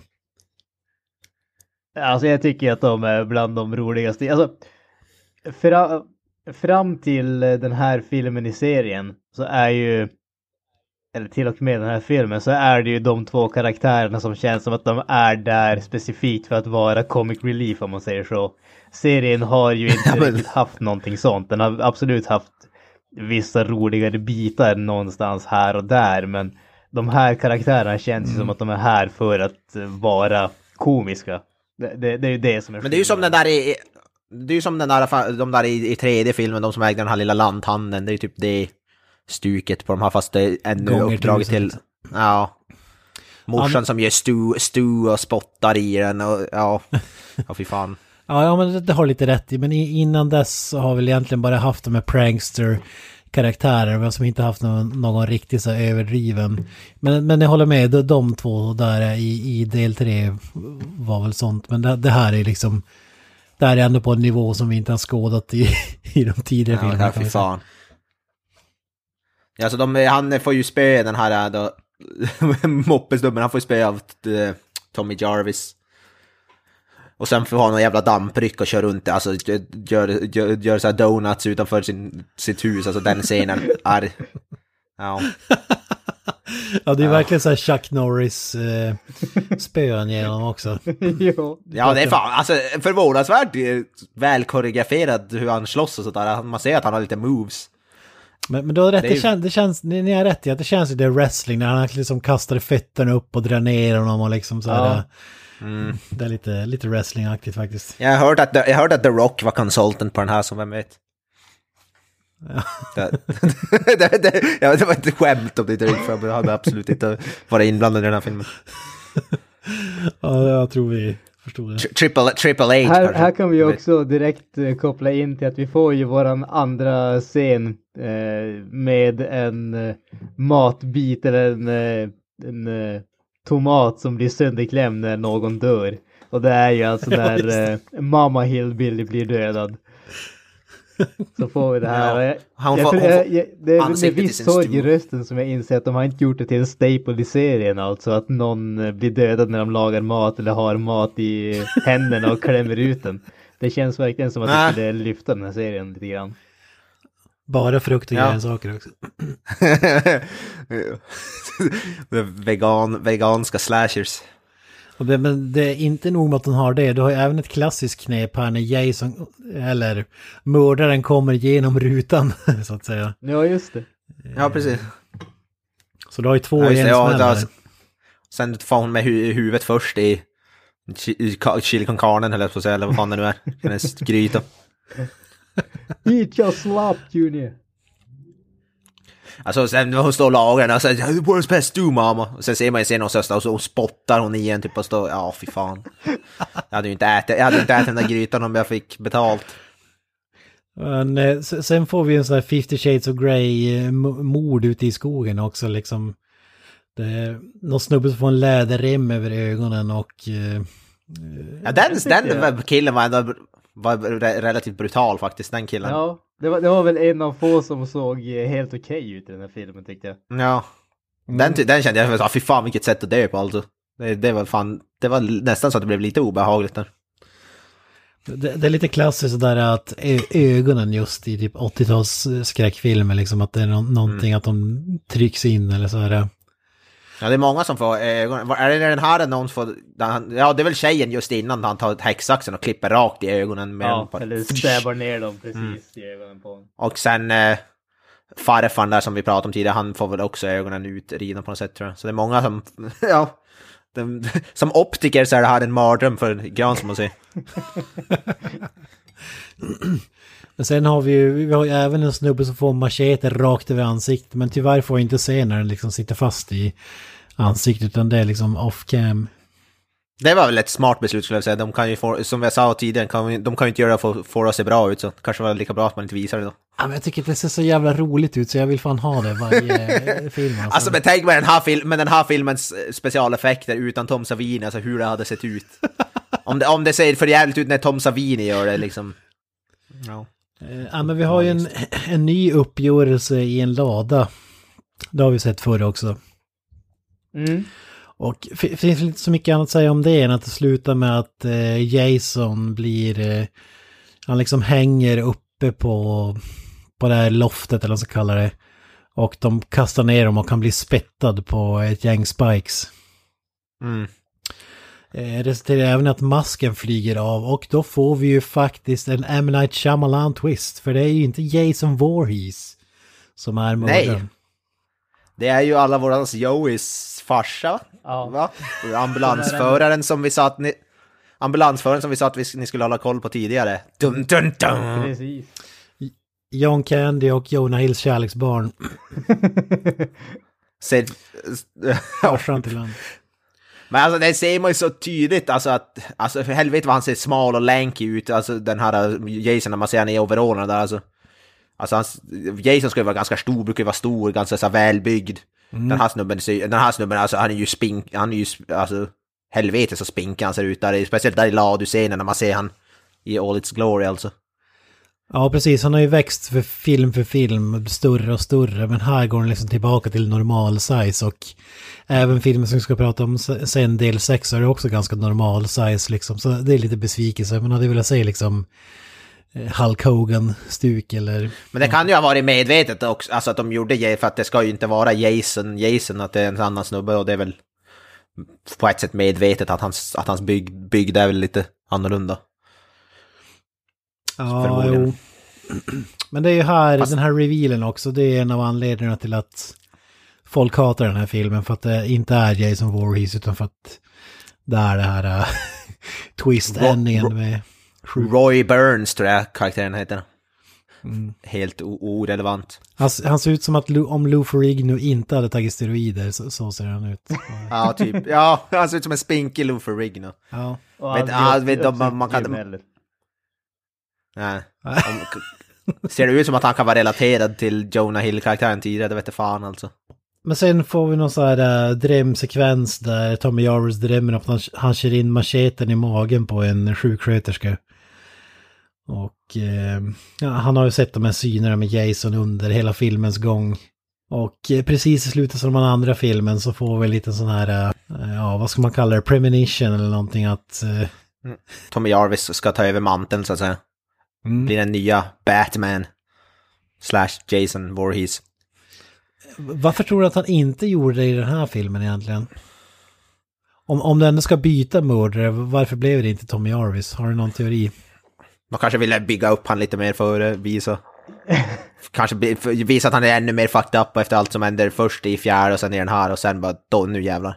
Det måste i alla fall byggas upp med två filmer. Jag, Alltså jag jag, jag har ju, som, som, eh, som tidigare sagt, jag tyckte att det här faktiskt var en, en bra film. Eh, till skillnad från er två. Eh, och alltså, min teori är ju så, Ja, jag, jag tycker att det var bra. Ja, men jag- alltså, jag tyckte att det var bra, bra. Du tyckte att det var underhållningsvärdet bra, så att säga. Eh, Ja, ja det är sant. Nej, men alltså jag- min teori är ju, eh, är ju som följer. Eh, nej, men alltså den, den här filmen är ju egentligen inte så mycket av en, en skräckis egentligen. Utan den är, den är ju mer en typ, för, eller försöker vara en psykologisk thriller. Och jag tror ju att grejen här var, det skulle vara ett mysterie om det var Tommy som var mördaren eller inte. Jag tror bara att det var extremt dåligt utfört så man, ingen tror att liksom det, det är inget mysterium som finns i filmen, men jag tror att det var det som var Nej. meningen. Man skulle inte veta om det var Tommy eller inte. De ville ju, de skulle, ville ju bygga upp Tommy Jarvis som nya mördare men det blev väl ramaskri bland fansen så de lade ner den i den ganska kvickt. Vilket är anledningen till att vi, Tommy Jarvis inte riktigt blir en... Spo, spoiler alert, Tommy Jarvis blir inte en Jason men det var det som var planen. De ville göra Tommy Jarvis till den nya mördaren. De, sk- de skulle göra någon typ av antologiserie där det är typ nya mördare hela tiden som jag förstod det. Men folk, folk ville bara ha Jason. Det var samma som de gjorde med Halloween där med Halloween, när Halloween 3 kom ut. De ville ju göra det till en antologi där också. Så där är ännu mer koppling till Halloween. ja, faktiskt. Men folk, eh, där ville folk ha Michael Myers och här vill ju folk ha Jason så. Men, men om vi går tillbaka till det Granström sa, jag, jag tror faktiskt det ska ligga någonting. Det är precis som i den första filmen att man, då var, inte, då var ju inte Jason mördaren ens, utan då försökte man säga, ja, är det eh, lägerledaren eller är det the local drunk eller är det den här Ja. personen liksom. Det, det kanske var det som var meningen här, men jag tror att man blir så förblindad av det faktum att man dels har sett filmerna tidigare och vet om twisten och att man utgår från att det är liksom Jason Voorhees bara och, sen när det visar sig att det inte är honom bara jaha, what the fuck, alltså vad var poängen med det här men det kan väl vara så, som ni, som ni säger att man, man försökte verkligen att det skulle vara ett mysterium men att och att man ville ha Tommy Jarvis men att det blir för mycket backlash om man hade gjort det. Så. Jo, men det alltså jag är ganska hundra på att, jag, jag kollade till och med upp det, att de ville ha Tommy Jarvis som mördare. Det var, jag tror inte ens det är spekulation, jag är ganska spikat att det var så. Men sen, ja som sagt, ra, ram, ramaskri. Men, men då undrar man ju varför de valde att ha kvar den absolut sista scenen i filmen där liksom han, han, han tar fram Jasons mask och man tror att han liksom hoppar ut genom fönstret. Men då är det sjuksköterskan tror jag eh, står kvar då. Då står han bakom henne med dragen machete och masken liksom. Eh, Jag vet inte. Det blir lite märkligt, eller vad säger ni? Ja. Ja, jag vet inte. Slutet på den där filmen alltså. Väl- Ja. Som sagt, de försökte bygga upp till någonting i nästa, men sen, jag tror de ändrade riktning med sexan ganska radikalt. För det bättre, Nej, tror jag. herre jävlar. Ja, ja. Ja, vem fan, vem fan vill se Tommy Jarvis som mördare istället för Jason? Not this guy. Om, om, vi, om vi summerar den här filmen då, Gran som du som tyckte att den var magisk, vad, vad säger du? Alltså som sagt, jag, jag tyckte faktiskt att det var en, en bra film. Jag tycker faktiskt att det var en bra film på riktigt. Alltså den har, den har faktiskt en handling som är mer än bara ungdomar kommer till Crystal Lake och blir dödade av Jason. Vilket är handlingen i alla de andra tidigare eh, fredag den 13 filmerna. Så att ba bara där så ligger den ju på plus för mig. Sen har den faktiskt... Nu kommer ungdomar till ett behandlingshem och blir dödade av en Ja, copycat. precis. Ja. precis. ja, men sen så, det finns ju Ja, Jesus faktiskt, eh, den här filmen har ju faktiskt karaktärer. Alltså det finns, det, det är inte liksom bara random tonåring som kunde vara vilken karaktär som helst som blir dödad, utan de har faktiskt eh, olika personligheter. Det finns faktiskt eh, acceptabla skådespelarprestationer i den här filmen skulle jag anse. Eh, så att jag tycker ändå att eh, jag tycker ändå att den håller. Alltså kan man bara koppla bort det från just den här biten att det är inte Jason som är mördaren i slutändan och det är inte egentligen en skräckfilm. Kan man bara koppla bort de två grejerna så tycker jag faktiskt att den det är en helt okej film. Jag tycker jag, jag tycker jag märker någon så här trend här. Av de tre första så tyckte jag tvåan var sämst, Granström tyckte den var bäst. Av de, här, av de här tre tyckte jag att femman var absolut, absolut sämst och Granström tycker den är bäst. Det är som så här, opposite world lite grann. ja, exakt. Kärringen mot strömmen. Nu vet jag inte om det är jag eller du som är det, men någon av oss. Alltså jag, jag, jag vill ju gärna tro att det inte är så men misstänker att det är nog jag som är kärringen i det här fallet faktiskt. Ja, jag, jag säger ingenting. Nej, men jag, jag hade som för mig att jag inte tyckte om den här filmen alls. Och det hade ju mycket att göra med, som du säger, det är ju idiotiskt beslut att, att det inte ska vara Jason Voorhees. Men, och, och, men man får ju faktiskt ge det som säger att det är de två bästa gapskratten i hela franchisen. Det är ju när eh, snubben blir yxmördad här i början och eh, och sen när revealen kommer att, att liksom det var ambulansföraren. Alltså hur fan tänker ambulansföraren? För att den som verkligen mördade honom får vi aldrig se dö. Utan han mördar ju alla andra. Ja, exakt. Så, Jag den, vet om de bara så den som mördar ja. hans son är den enda som överlever. Och det är jävligt konstigt måste jag säga. Ja, ja alltså. Jag får inte Han- han kanske bara blir-. Det är som med Mamma. Voorhees där i ettan liksom att ja men då ska alla dö som kommer dit någonsin liksom. Att, det kanske var bara så att de blev arg, bara, "Ah, ni skulle ha hållit koll på honom, ni ska alla det. Men det är ju jävligt eh, ologiskt att han inte dödar hans sons verkliga mördare. Ja, det, det är därför det blir gapskratt, det blir revealen liksom att det är ambulansföraren som är mördaren all along. Alltså det blir så det, för det första är det totalt meningslöst och sen är det så, ja, varför liksom. Mm. Han, han vinner inte heller precis som att eh, Pamela Voorhees inte vinner Mother of the Year så vinner inte han Father of the Year om man liksom bara dumpat honom där och han liksom inte ens visste vem hans farsa var och så vidare och helt plötsligt ska han liksom hämnas. S- Som ni vet, jag älskar ju så kallad movie slack. Alltså jag gillar ju inte så här perfekta filmer utan jag, jag tycker att det är kul när, när det inte är helt perfekt och man kan skratta åt liksom defekterna och det blir som kul på det sättet. Så underhållningsvärdet i den här är ju mycket större än vad jag minns och det är fan den filmen som fått störst lyft efter att vi har sett alla de här filmerna. Alltså, från, den seglar upp från botten till, eh, ja kanske inte toppen men bland övre skiktet i alla fall.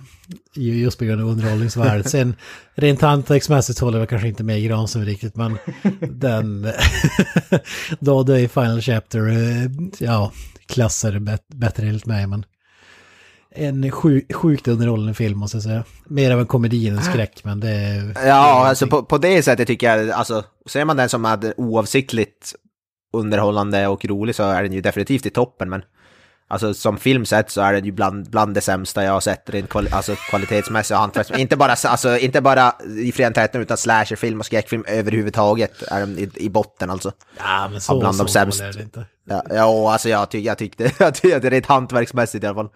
Sen att den är oavsiktligt underhållande, det, det tycker jag definitivt.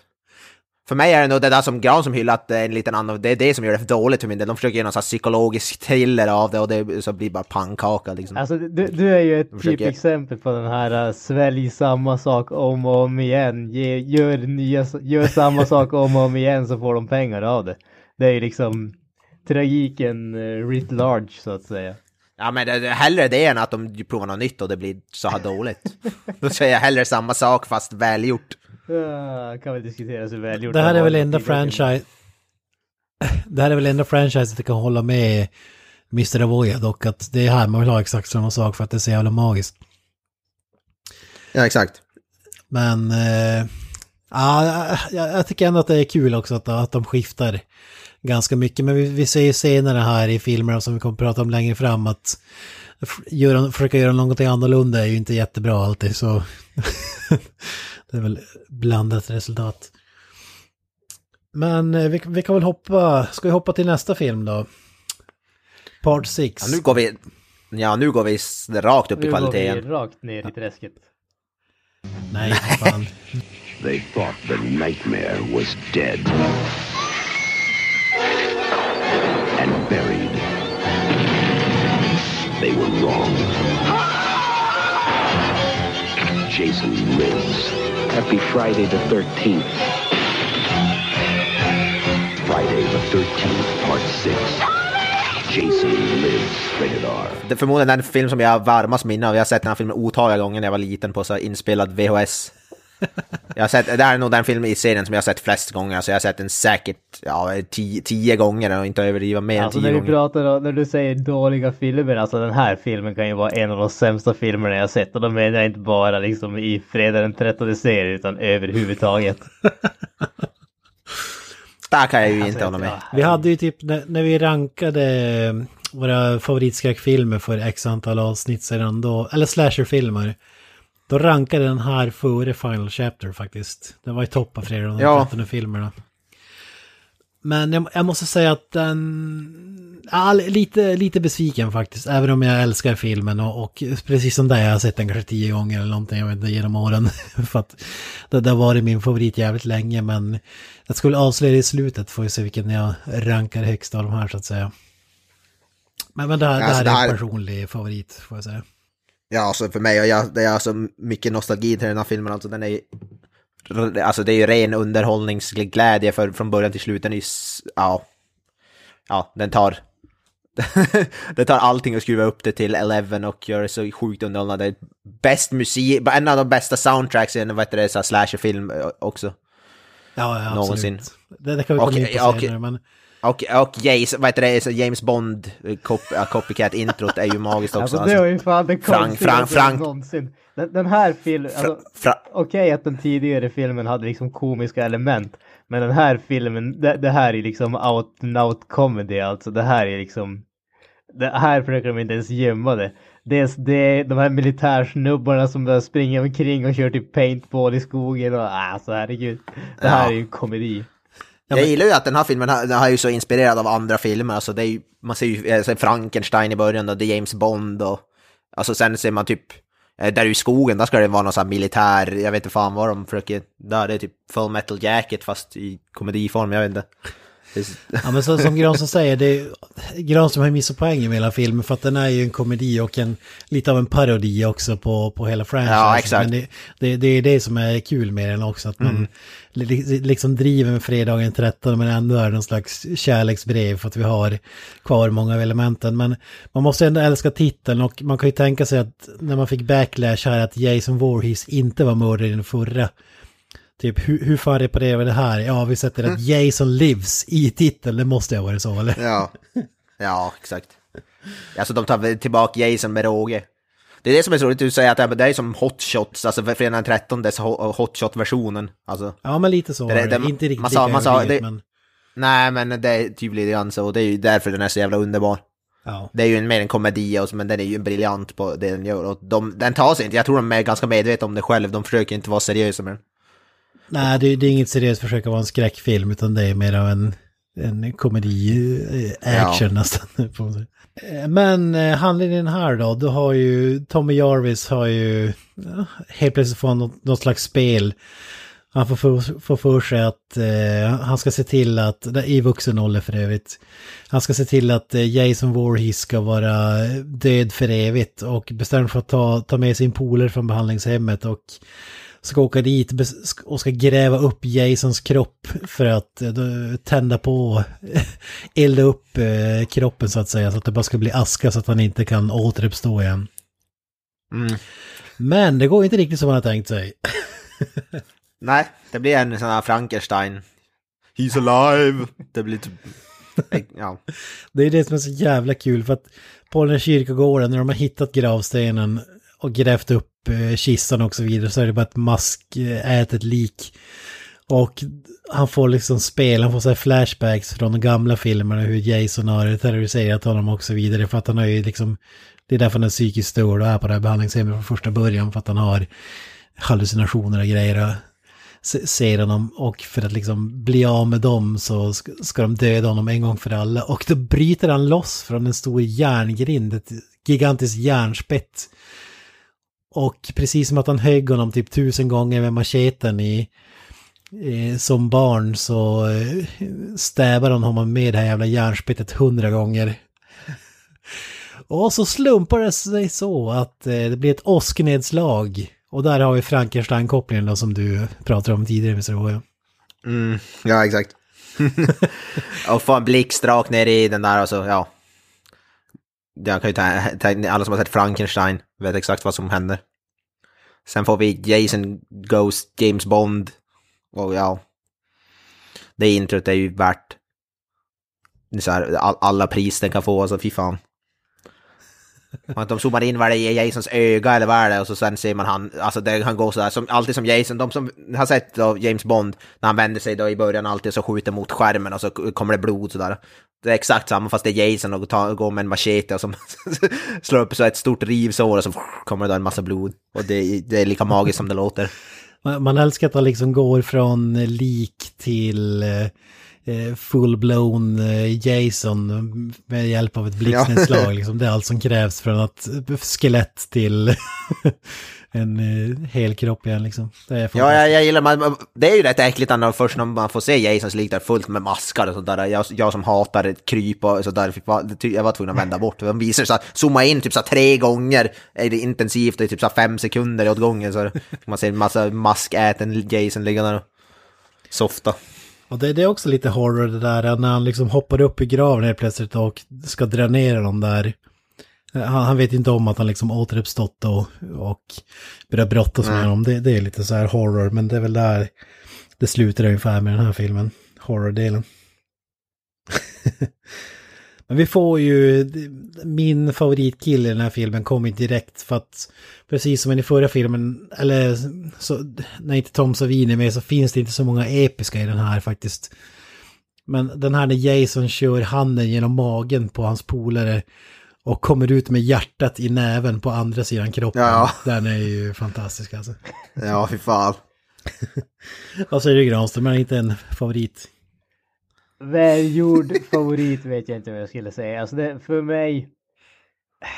Alltså absolut, det, det, här spelar ju in till den där komiska aspekten som hela den här filmen har.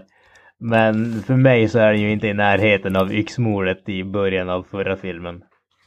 Nej, nej så är det. Den är ju oslagbar. Tommy Jarvis drar iväg. Jason tar på sig masken och eh, han, han, är i full rullning så att säga. Han tar med sig det här järnspettet och går på jakt.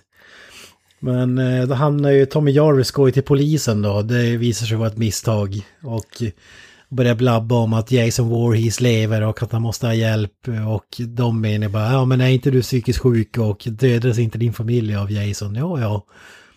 Och de, de tror ju inte på honom givetvis för att varför skulle man göra det? Och eh, han försöker sno med sig någon slags bössa eller någonting. Men då brottar de ner honom och slänger honom i finkan. Ja, vad säger ni, hade ni trott på Tommy Jarvis som hade stövlat in där på polisstationen? Uh, alltså jag kan faktiskt, de, de, de reagerar ju ändå lite som logiskt som man skulle. Inte fan så hade jag ju trott på honom heller. Om man bara oh, Jason is back. Ja, Jason är död. No, he's back. Ja, alltså jag kan, kan inte klandra dem riktigt. Även om de, de beter sig som, exakt som i alla slasher, ingen tror på den de borde tro på. Men på, på ett sätt också kan man klandra dem. Liksom. Jag vet fan. Men vi klipper till några kampare i en bil som stöter på Jason då. Och eh, en kille och en tjej som... Han, han står i vägen, håller i ett järnspett med hockeymasken och... De vill att ska flytta på sig, han gör det inte så kommer på en idé att... Eh, eller de säger väl typ... Ja men ska vi backa tillbaka? Och då säger killen i helvete heller, vi ska köra ett chicken race. Mot Jason Voorhees, ja precis. Ja, precis. Men de kör ju, han rör ju inte en centimeter och de dödnitar framför honom och då väljer ju Jason Voorhees strategiskt nog att punktera ena däcket med det här spettet. Men eh, den här killen vill fortfarande inte att de backar tillbaka för att då kan de ju köra fast i diket och det är ju inte värt det. Så han drar fram världens minsta revolver ur eh, handskfacket. Alltså det ser, ser, alltså, ser ut som att de köpte på Toys R Us så att det ska komma så här, alltså puff-rök ur den. Ja, den är, det är fan den minsta puffra jag har sett alltså, jävlar. Kliver ut, skjuter, vad är det, fem, sex skott, ingenting händer och det slutar med att han får ett järnspett genom eh, hjärtat liksom. Eh, vad- säger de här dödsscenerna? Man får väl även se tjejen får sätta livet till i en vattenpöl om jag minns rätt. Ja, precis, i vattenpölen där. Och det är väl en av få gånger där jag faktiskt stör mig på att det syns väldigt tydligt att eh, när, när man ser han efter att han har stuckit ner spjutet i huvudet henne så syns det väldigt tydligt att han har inte stuckit ner spjutet ens i närheten av hennes huvud. Och det störde mig väldigt mycket. ja, den, den såg jag faktiskt inte. Ja, men vi får ju någon variant av Death Curse Man, eller i alla fall ett local drunk, kyrkovaktmästaren här. Ja just det, ja han är kung. Su Fy fan, han blir nervös då, då åker flaskan fram. Alltså var det bara jag som tyckte att han såg ut som Michael Palin? Ja, jag, jag drog inte kopplingen måste jag säga. Men... Jag tyckte han var väldigt lik med det jag. Ja men den här eh, kyrkovaktmästaren som du säger, han gillar att dricka sprit, har med sig flaskan och blir nervös då. För han, när han ser att den här graven är uppgrävd och han ser ett ben som sticker ut ur kistan där nere. Men vad han inte vet att det är inte Jasons ben utan det är hans polares ben, Tommy Jarvis polares ben som ligger där. Så han, Nej, alltså, han säger väl någonting i stil med att fan jag vill inte riskera att bli av med jobbet, jag har ju trots allt gått ut high school. det är jävla högutbildad alltså. Ja, och att han skulle få I skit- earned this job. Han skulle få skit om man, någon upptäckte att eh, graven hade blivit uppgrävt under hans watch, så att säga. Så han snabbar sig då att gräva tillbaka och få, få allting att se ut exakt likadant som det var. Vilket givetvis kommer Ja. into play sen när Tommy Jarvis ska bevisa att graven är uppgrävd. Men då kommer vi till det paintball-gänget. Kanske du kan dra Granström. Vad är det som händer här? Vi har två riktiga Ja, militärsnubbar som hämtar ur det ungefär. Ja, fy fan vad kung. Alltså vi har ju typ eh, några snubbar på en eh, company retreat eller någonting åt det hållet ungefär. Eh, alltså, Ja, typ teambuilding, sådana exercises ja precis, det. team building exercises och det är alltså typ nördarnas nördar med utan några som helst fysiska attribut av att de har sett insidan på ett gym. De har tjocka glasögon. Alltså de, är verkligen eh, karikatyren för eh, nördar. Som springer ute i, vad heter det, i skogen i militärdräkt och skjuter paintball på varandra. Och så blir de givetvis eh, dödade av en, hör och häpna, en kvinna. Eh, vilket de inte tar, eh, tar på, eh, det faller inte på god jord så att säga. Men det gör ingen större skillnad därför att typ tre sekunder senare så stannar de upp, de ser Jason, vad fan är det som händer? Och så hugger han huvudet av alla tre på en gång med en sving. Ja, Ja, det fan vad magiskt kill alltså. Det, hade, alltså, det enda som var synd där var att man inte fick se mer för det var fast, faktiskt en ganska nice scen det tyckte jag. Just den biten. Ja, de klipper så jävla snabbt där. Alltså, man, man ser liksom att han hugger, men du får inte se liksom huvuden som flyger av. Nej, det är- det hade man velat se striken där liksom. Men det är så magiskt också den här snubben som är förbannad. Bara, Women should stay in the kitchen! Han som är så förbannad av... It's a man's Alltså- alltså- game! Paintball liksom. Ja, ja exakt. Sen den här då, får vi då den här glasögonsnubben som jag fick mig att tänka på han, vad heter det, Shane Black från Predator typ eller något sånt där. Så typ exakt ut som Ja, faktiskt när du säger det. Glasögonen i alla fall. Ja. Och han, är, ju- han är ju guld också, skjuter sig själv i foten eller vad fan det är han gör, ramlar och ja. Ser mig själv lite grann igen om jag skulle spela paintball. Alltså, alltså som du säger, den, den hade kunnat vara min favoritkill om man hade fått se de här huvudena liksom rulla. Det hade ju varit fantastiskt. Men jag tycker överlag i den här filmen så klipper man jävligt tidigt. Alltså det, märks att man antingen vill ha minuter för att få liksom en rimlig PG-13 rating eller någonting eller så har man helt enkelt inte eh, hantverket tillgängligt, Tom Savini och så vidare för specialeffekterna. Alltså de, de har ju definitivt eh, sparat in Det, det håller jag med om. Och den här filmen, alltså genom hela serien, känns den här filmen tveklöst eh, tamast jämfört med de övriga. Men vi lämnar paintball-snubbarna och vi hoppar till tillbaka till med tonåringarna och i bakgrunden på deras boombox så spelar de ju faktiskt en magisk låt. Eh, Alla som, har varit på en, ja. alla som någonsin har varit på en hockeymatch hela sitt liv har ju hört den här låten spelas och den är ju även någon slags theme song till den här Alice Coopers klassiska dänga The Man Behind the Mask.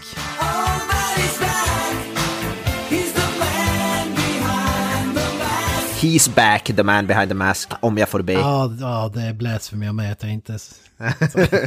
Nej men fan, alltså det är ju en klassiker. För mig, för mig är det här en av de här klassiska hårdrock där uppe med Highway to Hell och alltså när det gäller klassiska hårdrocksdängor alltså. Ja. Eller hårdrock, rockdängor kanske. Men... Och att den har kopplingen till eh, Jason Voorhees också, fredag den 13 gör ju den ännu mer episk får man säga. Ja, ja alltså den är, den är så catchy och kung. För alla som inte, alltså kolla bara upp låten. Gillar ni klassisk rock, Alice Cooper, kolla upp den, alltså den är magisk. Musikvideon också är ju, alltså det är ju, det är ju som en kortfilm, fredag den 13 kortfilm med Alice Cooper kan man säga, musikvideon. Det är magiskt. Nej men vi, vi pratade om det innan här, har, har ni någon, eh, ska- ska man kunna kröna den här till den bästa låten som ett rockband har gjort till en slasherfilm? Vi har ju Docken, Dream Warriors till eh, Terror på Elm Street-filmer liksom. Eh, eller ha- är, är det någon som slår den här? Vad säger du Granström? Nej, alltså inte när det kommer till rent kvalitet, staying power, så känns det som att den här låten är ju head and shoulders above everything else. Och det gäller ju definitivt allting annat i den här filmen också. Den här låten är ju det bästa med filmen. Vi hoppar till husbilen, Granström. Här är det ju liksom teenagers. Ja, precis. Tune the sexy music. för att... eh, Men som du säger, det är lite väl välklätt för att vara uppklätt för att vara en sån eh, scen liksom. Ja, men jag tyckte det här var väl åtminstone den scenen som kändes typ någorlunda... Jag vet inte. Det, det var väl den som kanske påminde mest om vad som fanns i de tidigare filmerna just när det kommer till det här lite raunchiness så att säga. Eh, och så går ju eh, strömmen på det här stället, ljuset slocknar och det blir eh, tyst på stereon och så måste de ju givetvis ut och eh, ut och, ut och undersöka vad som händer. Men eh, ja, det, det går ganska bra ändå. Det, ingen av dem blir dödad. De kommer tillbaka i bilen och så ska snubben sätta sig och börja köra. Och jag höll ju på att få en hjärnblödning när jag såg hur han körde. Jag har aldrig kört en husbil. Men jag kan inte tänka mig att jag skulle köra sämre än vad han gör alltså. Herre jävlar. Ja, det var ju lite överdrivet kanske. Man älskar att Jason också blir en jävla elektriker där efter att han har återuppstått. Och Liksom, ja, men om jag drar ut den här sladden då dör belysningen och eh, klipper jag den här kabeln då... Ja. ja, men det är som att snacka, man brukar snacka om vad är det, trepunktsvändning, han gör det vadå, en 25-punktsvändning när han ska vända på den där jävla grejen alltså. Ja, han kör ju som en galning och eh, tjejen eh, åker ju fram och tillbaka, kastar sig runt där nere och visar sig att under tiden de har varit och kollat eh, vad fan som har hänt med strömmen så har Jason smitit in på dass. ja, precis, han har väl ätit de där enchiladas från förra filmen. Så. Och, och här är det också lite, det är ju inte den där Killing Machine Jason som har sett tidigare utan han, han håller liksom för munnen på henne så hon inte ska skrika och så vidare. Lite, ja jag vet inte riktigt vad jag ska säga. Här får vi ju dock en av de lite coolare effekterna i den här filmen tyckte jag faktiskt. Och det är när han tar tag i huvudet och liksom bankar in henne i väggen eller utsidan på bilen och så ser man just den här metall... eh, Metallen Ja, som formas efter ja. ansiktet. Jag tyckte faktiskt det var en riktigt häftig effekt.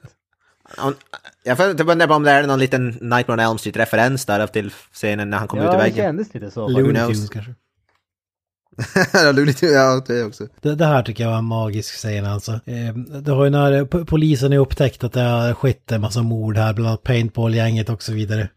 Och han rapporterar in till polischefen då att någon har mördat de här lägerledarna och det är med Jason Voorhees tillvägagångssätt, alltså MO. Alltså fy fan vad kul, man hade velat säga så här uh, Mindhunter eller så här FBI's profiler-snubbar kartlägger Jasons Jason. MO liksom. Ja, det är ett MO liksom. Det är det som är så roligt. Han mördar på all, 500 olika sätt. Hans MO är att han inte har ett MO. Machete i ansiktet, ja men det här är Jason Voorhees MO liksom. Alltså fy fan. Uh, sitter och analyserar, det är en massa så här graphs på väggen och så här detaljerade analyser. Och bara, Offret hade krossad frukt i handen, det också... offret blev stabbad under, från under en säng av ett spjut. Hmm. Känns som Jason. ja, exakt. Och många så här kills också när han krossar huvudet mellan händerna. Det händer väl flera gånger också inom serien. Det är också ett MO. ja, för fan vad kul alltså. Jason Voorhees MO. Ja, det är magiskt alltså.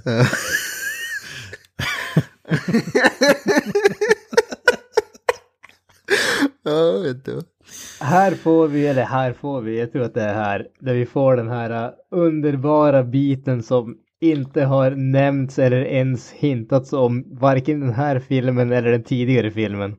Och det är ju att eh, Jason måste förgöras där han skapades, det vill säga Crystal Lake. Ja. Kommer, kommer Ja, från ingenstans. ja, det är så jävla Ja, men kul. det- Ja men det är ju del av MO där eller någonting. Jason ska dö, ja. De har en psychic connection.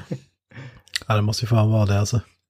För det är ju jävligt kul också, hans masterplan, för att han ringer ju till dottern här och säger att "I- I need some supplies. Och de suppliesen är ju bara en stor fet kedja och ett hänglås liksom. Ja, Det är, och en sten att knyta fast den i. Ja. Alltså, ja, lite, lite bensin också kanske. ja, bensin, ja förlåt, bensin också. Ja. Men den hade ju som tidigare, de skulle tända på Jasons lik liksom. Men Tommy Jarvis masterplan för att döda honom på Camp Crystal Lake är ju som sagt en säck med kedjor i en liten eka med ett hänglås och leta upp den största stenen du kan hitta. Det, det var hans plan liksom. Vad säger du Granström? Det känns som att en femårings eh, plan ungefär för att eh, döda någon eller? Eh, Det känns som en plan där halva hans identitet verkar ha att göra med masker. Ungefär. Eh, alltså det, det är ju, man, man tänker ju alltså som, när, när han pratar om hur han ska liksom döda Jason och hur han har gjort det liksom, eller hur han har planerat genom hela filmen. Man tänker ungefär att okej, han har faktiskt en plan. Man tänker inte att planen in, involverar en gammal båt, en kedja och en sten. Det är liksom, va? Hur fan kom du fram till att det här var bästa sättet ungefär? I visualized it many times. Ja, fy fan vad bra alltså. Ja, det är så jävla tecknad film över det hela alltså. Och, och planen då för den som inte har förstått det att han, kedjorna, eller den här stora stenen ska fungera som ett slags ankare. Eh, vilket, alltså okej, logik i de här filmerna. Om vi säger Tommy Jarvis orkar ju rulla den här stenen till båten. Eh, och, Ja, och den ska liksom vara tillräckligt tung för att hålla kvar Jason Voorhees. För att tanken är att den här kedjan ska vara som ett eh, snara runt halsen på Jason Voorhees och hålla honom under vatten. Som ett slags ankare, jag ska säga. Eh, Alltså, Ja, ja, precis. ja, jag vet inte. Med tanke på att vi det vi har sett i tidigare filmer så borde ju Jason Voorhees kunna spela kula med den där för fan. Alltså, Alltså den måste ju väga typ 75 kilo den där jävla stenen någonting, inte fan vet jag. Den måste ju vara tung att kopiera. Jag vet inte, jag skulle vilja se spinkjävla Tommy Jarvis lyfta den där stenen till båten. Ja men han rullar väl då, visst var det så? Ja, jag vet inte. Ja, det är Ja, magiskt. det är, det är ju jävligt... Det är jävligt... jävligt ologiskt, ja. Men Men det är en ganska episk showdown de har där i vattnet. Den är ju rätt, rätt mäktigt är det ju ändå. ja, jag tänkte säga... Med eld och... Ja, precis. Om man bortser från logiken så är det ju faktiskt jävligt cool, det måste man säga. Mm. Han tänder eld där med en ring of fire runt och det ser ju visuellt coolt ut då. Och sen när de är nere i vattnet fortsätter det där liksom. Han får ju den där jävla kedjan runt Jasons hals då efter ett tag. Men sen börjar då en under what, underwater Aquaman fight blir det ju. Jason Momoa skulle varit avundsjuk. Ja, precis. Han, han lockar dit Jason, häller ut, han har hällt ut massa bensin runt båten och tänder på så det blir som en ring of fire som du säger. Och så en brotta som där i och slutar med att han liksom får snarare runt halsen och så får vi en Aquaman-fight som du säger. Ja, exakt. Och eh, till slut så sjunker han till botten då, men det är som... Han kallar ju bland annat Jason Warriors för Pussy, jag vet inte riktigt. Och det verkar ju inte vara glad över. Nej, det, det gillar han fan inte. Men, men det är ju en jävligt cool scen där med elden runt båten och eh, showdownen, det, det måste man ju säga. Vad, vad säger du Granström, var du inget fan av den heller eller? Ah! Jag kan inte påstå att jag var det ärligt talat. Förvånande, eller hur? Alltså det... Fy fan. jag vet inte. Jag, jag, jag, jag är inget fan av de här vattengrejerna. Och absolut, det finns ju mycket i den här serien som kommer till vatten. Just att eh, Jason kommer därifrån eller och hela den biten. Så jag förstår kopplingen och allting sånt och att det liksom som sagt det är där han måste förgöras. Jag förstår den biten men jag tyckte bara inte att det var en jag tyckte inte att det var en intressant scen att se på. Jag tyckte inte att det var visuellt engagerande eller någonting sånt. Alltså problemet med vatten är att allting går långsamt. Folk ser inte ut som att de har någon aning om vad de håller på med. Därför att det är jävligt svårt att ha någon aning om vad man håller på med när man är i vatten. Och eh, det är bara någon grej som det, det, det syns i den här filmen tycker jag bara. Och nej, klickade inte för mig den scenen men som vi tidigare sagt, sagt, det var inte mycket som klickade för mig i den här filmen överhuvudtaget så. Jag vet inte, jag tycker den är snygg under vattenscenen speciellt tycker jag. Det ser verkligen ut som att de har fil filmat under vatten, det är absolut inga specialeffekter eller någonting. Ja, ja, jag tycker jag också det om det. Men eh, grejen är var den att eh, Tommy Jarvis blir medvetslös och ligger eh, ass up eh, och ser ut att vara på väg att drunkna. Eh, Ja, precis. Men då hoppar ju polischefens dotter i och drar upp honom. Eh, Men innan hon gör det så kör hon igång en båtmotor och... Ja, fy fan. Ja, man, jag tycker man ser, man ser Jasons ögon också spegla bara, oh fuck, nu är jag körd. Det är det som är så magiskt, för man zoomar in på hans ögon och så de är så vidöppna när han ser att motorn går igång. Så bara, nej, nej, nu jävlar. Ja, så får en båtmotor i facet och då är det tack och godnatt för Jason. Man ser bara sprut, sprutar det blod och eh, köttslam så liksom. Sla ja. Eh, det- Och sen, eh, ja, ja, det är magiskt. Ja, fy fan. Släpper upp Tommy Jarvis, eh, lite CPR, han lever. Vi får eh, Fade to Black och Man behind the mask. Och filmen slut. Ja, alltså, jag var tvungen att, jag brukar ju aldrig sitta kvar under eftertexterna, men jag var tvungen att sitta kvar nästan hela här bara för att låten spelades. Exakt samma sak, med- jag hörde hela låten alltså. Fan. Till och med eftertexterna blev, bet, blev bra av den låten. Ja, men om vi sammanfattar den filmen då. Jag, jag älskar ju den här filmen. Jag tycker, tycker den är riktigt underhållande Oh, ja. och älskar ju de komiska bitarna också, att man driver med franchiset och jag gillar ju när de lite mera, tar lite mer friheter så att säga och inte, inte ska bara försöka vara en ren skräckfilm utan har kul med det också. Men jag måste, jag måste säga att det är minus för killsen, alltså att man klipper så tidigt. Man hade kunnat få några episka där med halshuggning bland annat, men Eh, Min favorit i den här är ändå hjärtat där i början. Just för att då får man verkligen se vad som händer liksom. Och jag tycker inte att man riktigt får det i, i de andra. Ja, hjärtat ser ju faktiskt, det ser ut som ett hjärta, det är ju bra gjort och så vidare. Ja, ja det är magiskt. Man älskar ju Tommy Jarvis också. Det här är ju Tommy Jarvis bästa film. Att man får se honom liksom så mycket och riktig protagonist och så vidare. Och eh, se- sen att hans masterplan kanske inte är den bästa men eh, rent visuellt så ser den jävligt cool ut som sagt. Ja. elden på vattnet och, och hela den där biten. Och, ja, det är riktigt, riktigt bra. Ja, jag måste, det med, du sa om Tommy Jarvis håller jag med, han är ju den bästa skådisen förutom Corey Feldman då, att för, jag tyckte han i femman, han tycker jag, in, ja, han har ju inga som skådespelar chops förutom, han är bra på att wrestla men det är väl typ det enda. Wrestling moves, i, den här skådisen kan ju, han har ju, visar ju faktiskt lite, han har ju lite skådespelar chops Alltså jag håller inte med där. Jag tycker, Tycker jag. att snubben i den här filmen är ju katastrofal. Nej, Nej, det håller jag inte med. Jag tycker, jag, jag tycker han är, för, förutom Corey Feldman så är han den enda riktiga Jarvis tycker jag. Utan någon som helst tvekan. Ja, jag, jag, jag, jag tycker om honom faktiskt. Han passar liksom över det. Alltså det ska ju inte vara så här Oscarsvinnande insatser men Nej, nej, det. det ska vara lite, lite små och så vidare. Han är liksom klippt och skuren för, för den här rollen liksom. Det ska ju vara liksom en Karate Kid blandat med någon, någonting halvnördigt och eh, jag tycker att han är klockren faktiskt. Ja, jag håller med. Jag gillar far, fars, han som spelar farsan, sheriffen där tycker jag också är bra. Han, eh, han tycker jag väl är en av få som kan faktiskt se ut som att han kan skådespela hyfsat i alla fall. För eh, ja, typ några barnskådespelare där, den här lilla flickan, hon till exempel värde, helt jävla värdelös. Vi nämnde väl inte ens hon, men du menar hon som hade mardrömmar eller? Ja, exakt.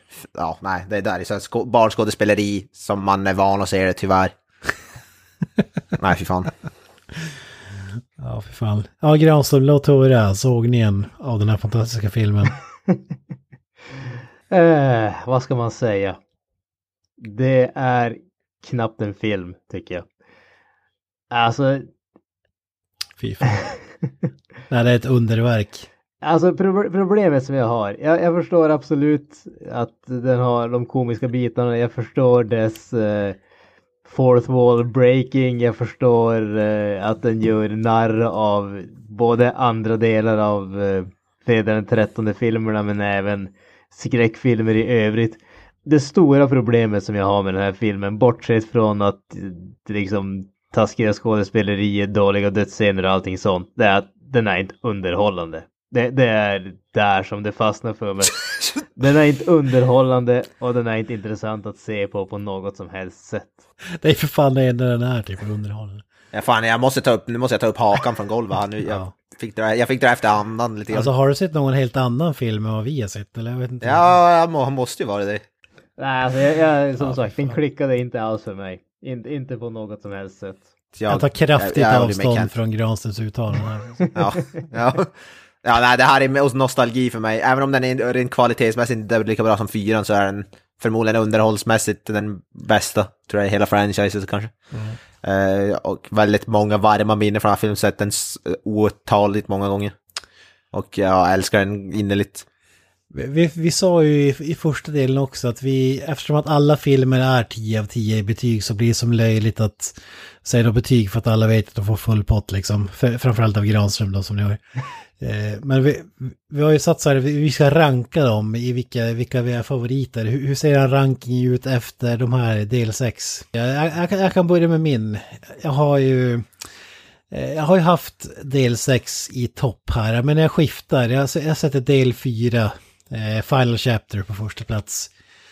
Eh, Ja. Följt av den här då, Jason Lives. Eh, sen har vi del 3, del 5, del 1 och del 2. Det, så, så ser min Ja. ranking ut. Okej. Eh, Jag kan väl köra min eh, rankning. Jag, ja, jag har också del 4 i topp faktiskt. Det är på håret men det är del 4 i topp för den är bäst rent, rent objektivt skulle jag säga. Sen eh, eh, sexan då, tätt i följd. Sen, sen blir det eller svårt efter det, men jag tror ändå jag skulle sätta ettan faktiskt där. Eh, ettan, sen trean. Sen vilka jag har kvar, tvåan sen och sen femman absolut sämst. utan, utan, utan någon som helst Alltså det, här- tvekan. det här känns ju som en lista som eh, till nästa avsnitt kommer jag helt ha glömt bort eh, vad man sa. Men alltså jag, jag skulle nog säga, jag tycker eh, femman är ju den, den bästa. Den den som gör någonting annorlunda. Efter den så kommer ju tvåan. Eh, efter tvåan, ja, ettan.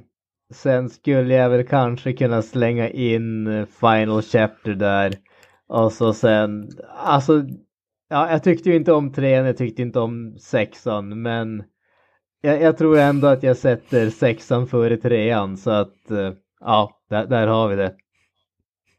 Ja, fy fan. Femma bäst alltså. det, det, det här är ja. som att ranka till bästa Star Wars-filmen och sätta Star Wars Episod 1. Ja, ja, Phantom, ja, Phantom Menace som det bästa. Är ju Ja, det är exakt där att så. det skulle finnas en bra Star Wars-film och det gör det ju inte. Så. Eller att, och, ty, och vi säger så här, det är som att ranka Batman-filmen och sätta Batman och Robin som den bästa Ja, Batman-filmen. Ja, men det kan man säga. För lite grann, de är sjukt underhållande. Inte de mest välgjorda, men ändå underhållande. Den, den ja, har ju camp out the wazoo så att säga. Men Det, alltså det kommer bli intressant nu när vi kommer till 7, 8, 9 för nu går det ju verkligen bananas. Alltså femman växer på, men det är nästan så skulle jag vilja peta upp den på tredje plats alltså. Men den är inte nära redan första plats och Granström hör till med den mest hatade filmen av fansen liksom. ja, exakt. Mm, Ja, Ja, jag, jag tror den sitter fint där på fjärde plats. Ja. Jag ska se, bli, bli, bli intressant att se om det, men jag tror inte de här 7, 8, 9 kommer dra på fyran i alla fall. Om jag kommer ihåg det så är ju 7, 8, 9 kanske inte så här jättehög kvalitet. Nej, men vi får väl eh, säga tack och ge för den här gången och eh, packa ner macheten och hockeymasken och eh, redo att plocka upp dem om eh, några veckor här. Får, får kanske inte dröja lika länge till nästa avsnitt, vi får se. Eh, Vi jobbar på det, Mm. så att säga. Några avslutande ord här innan vi drar eh, Jason i säcken så att säga.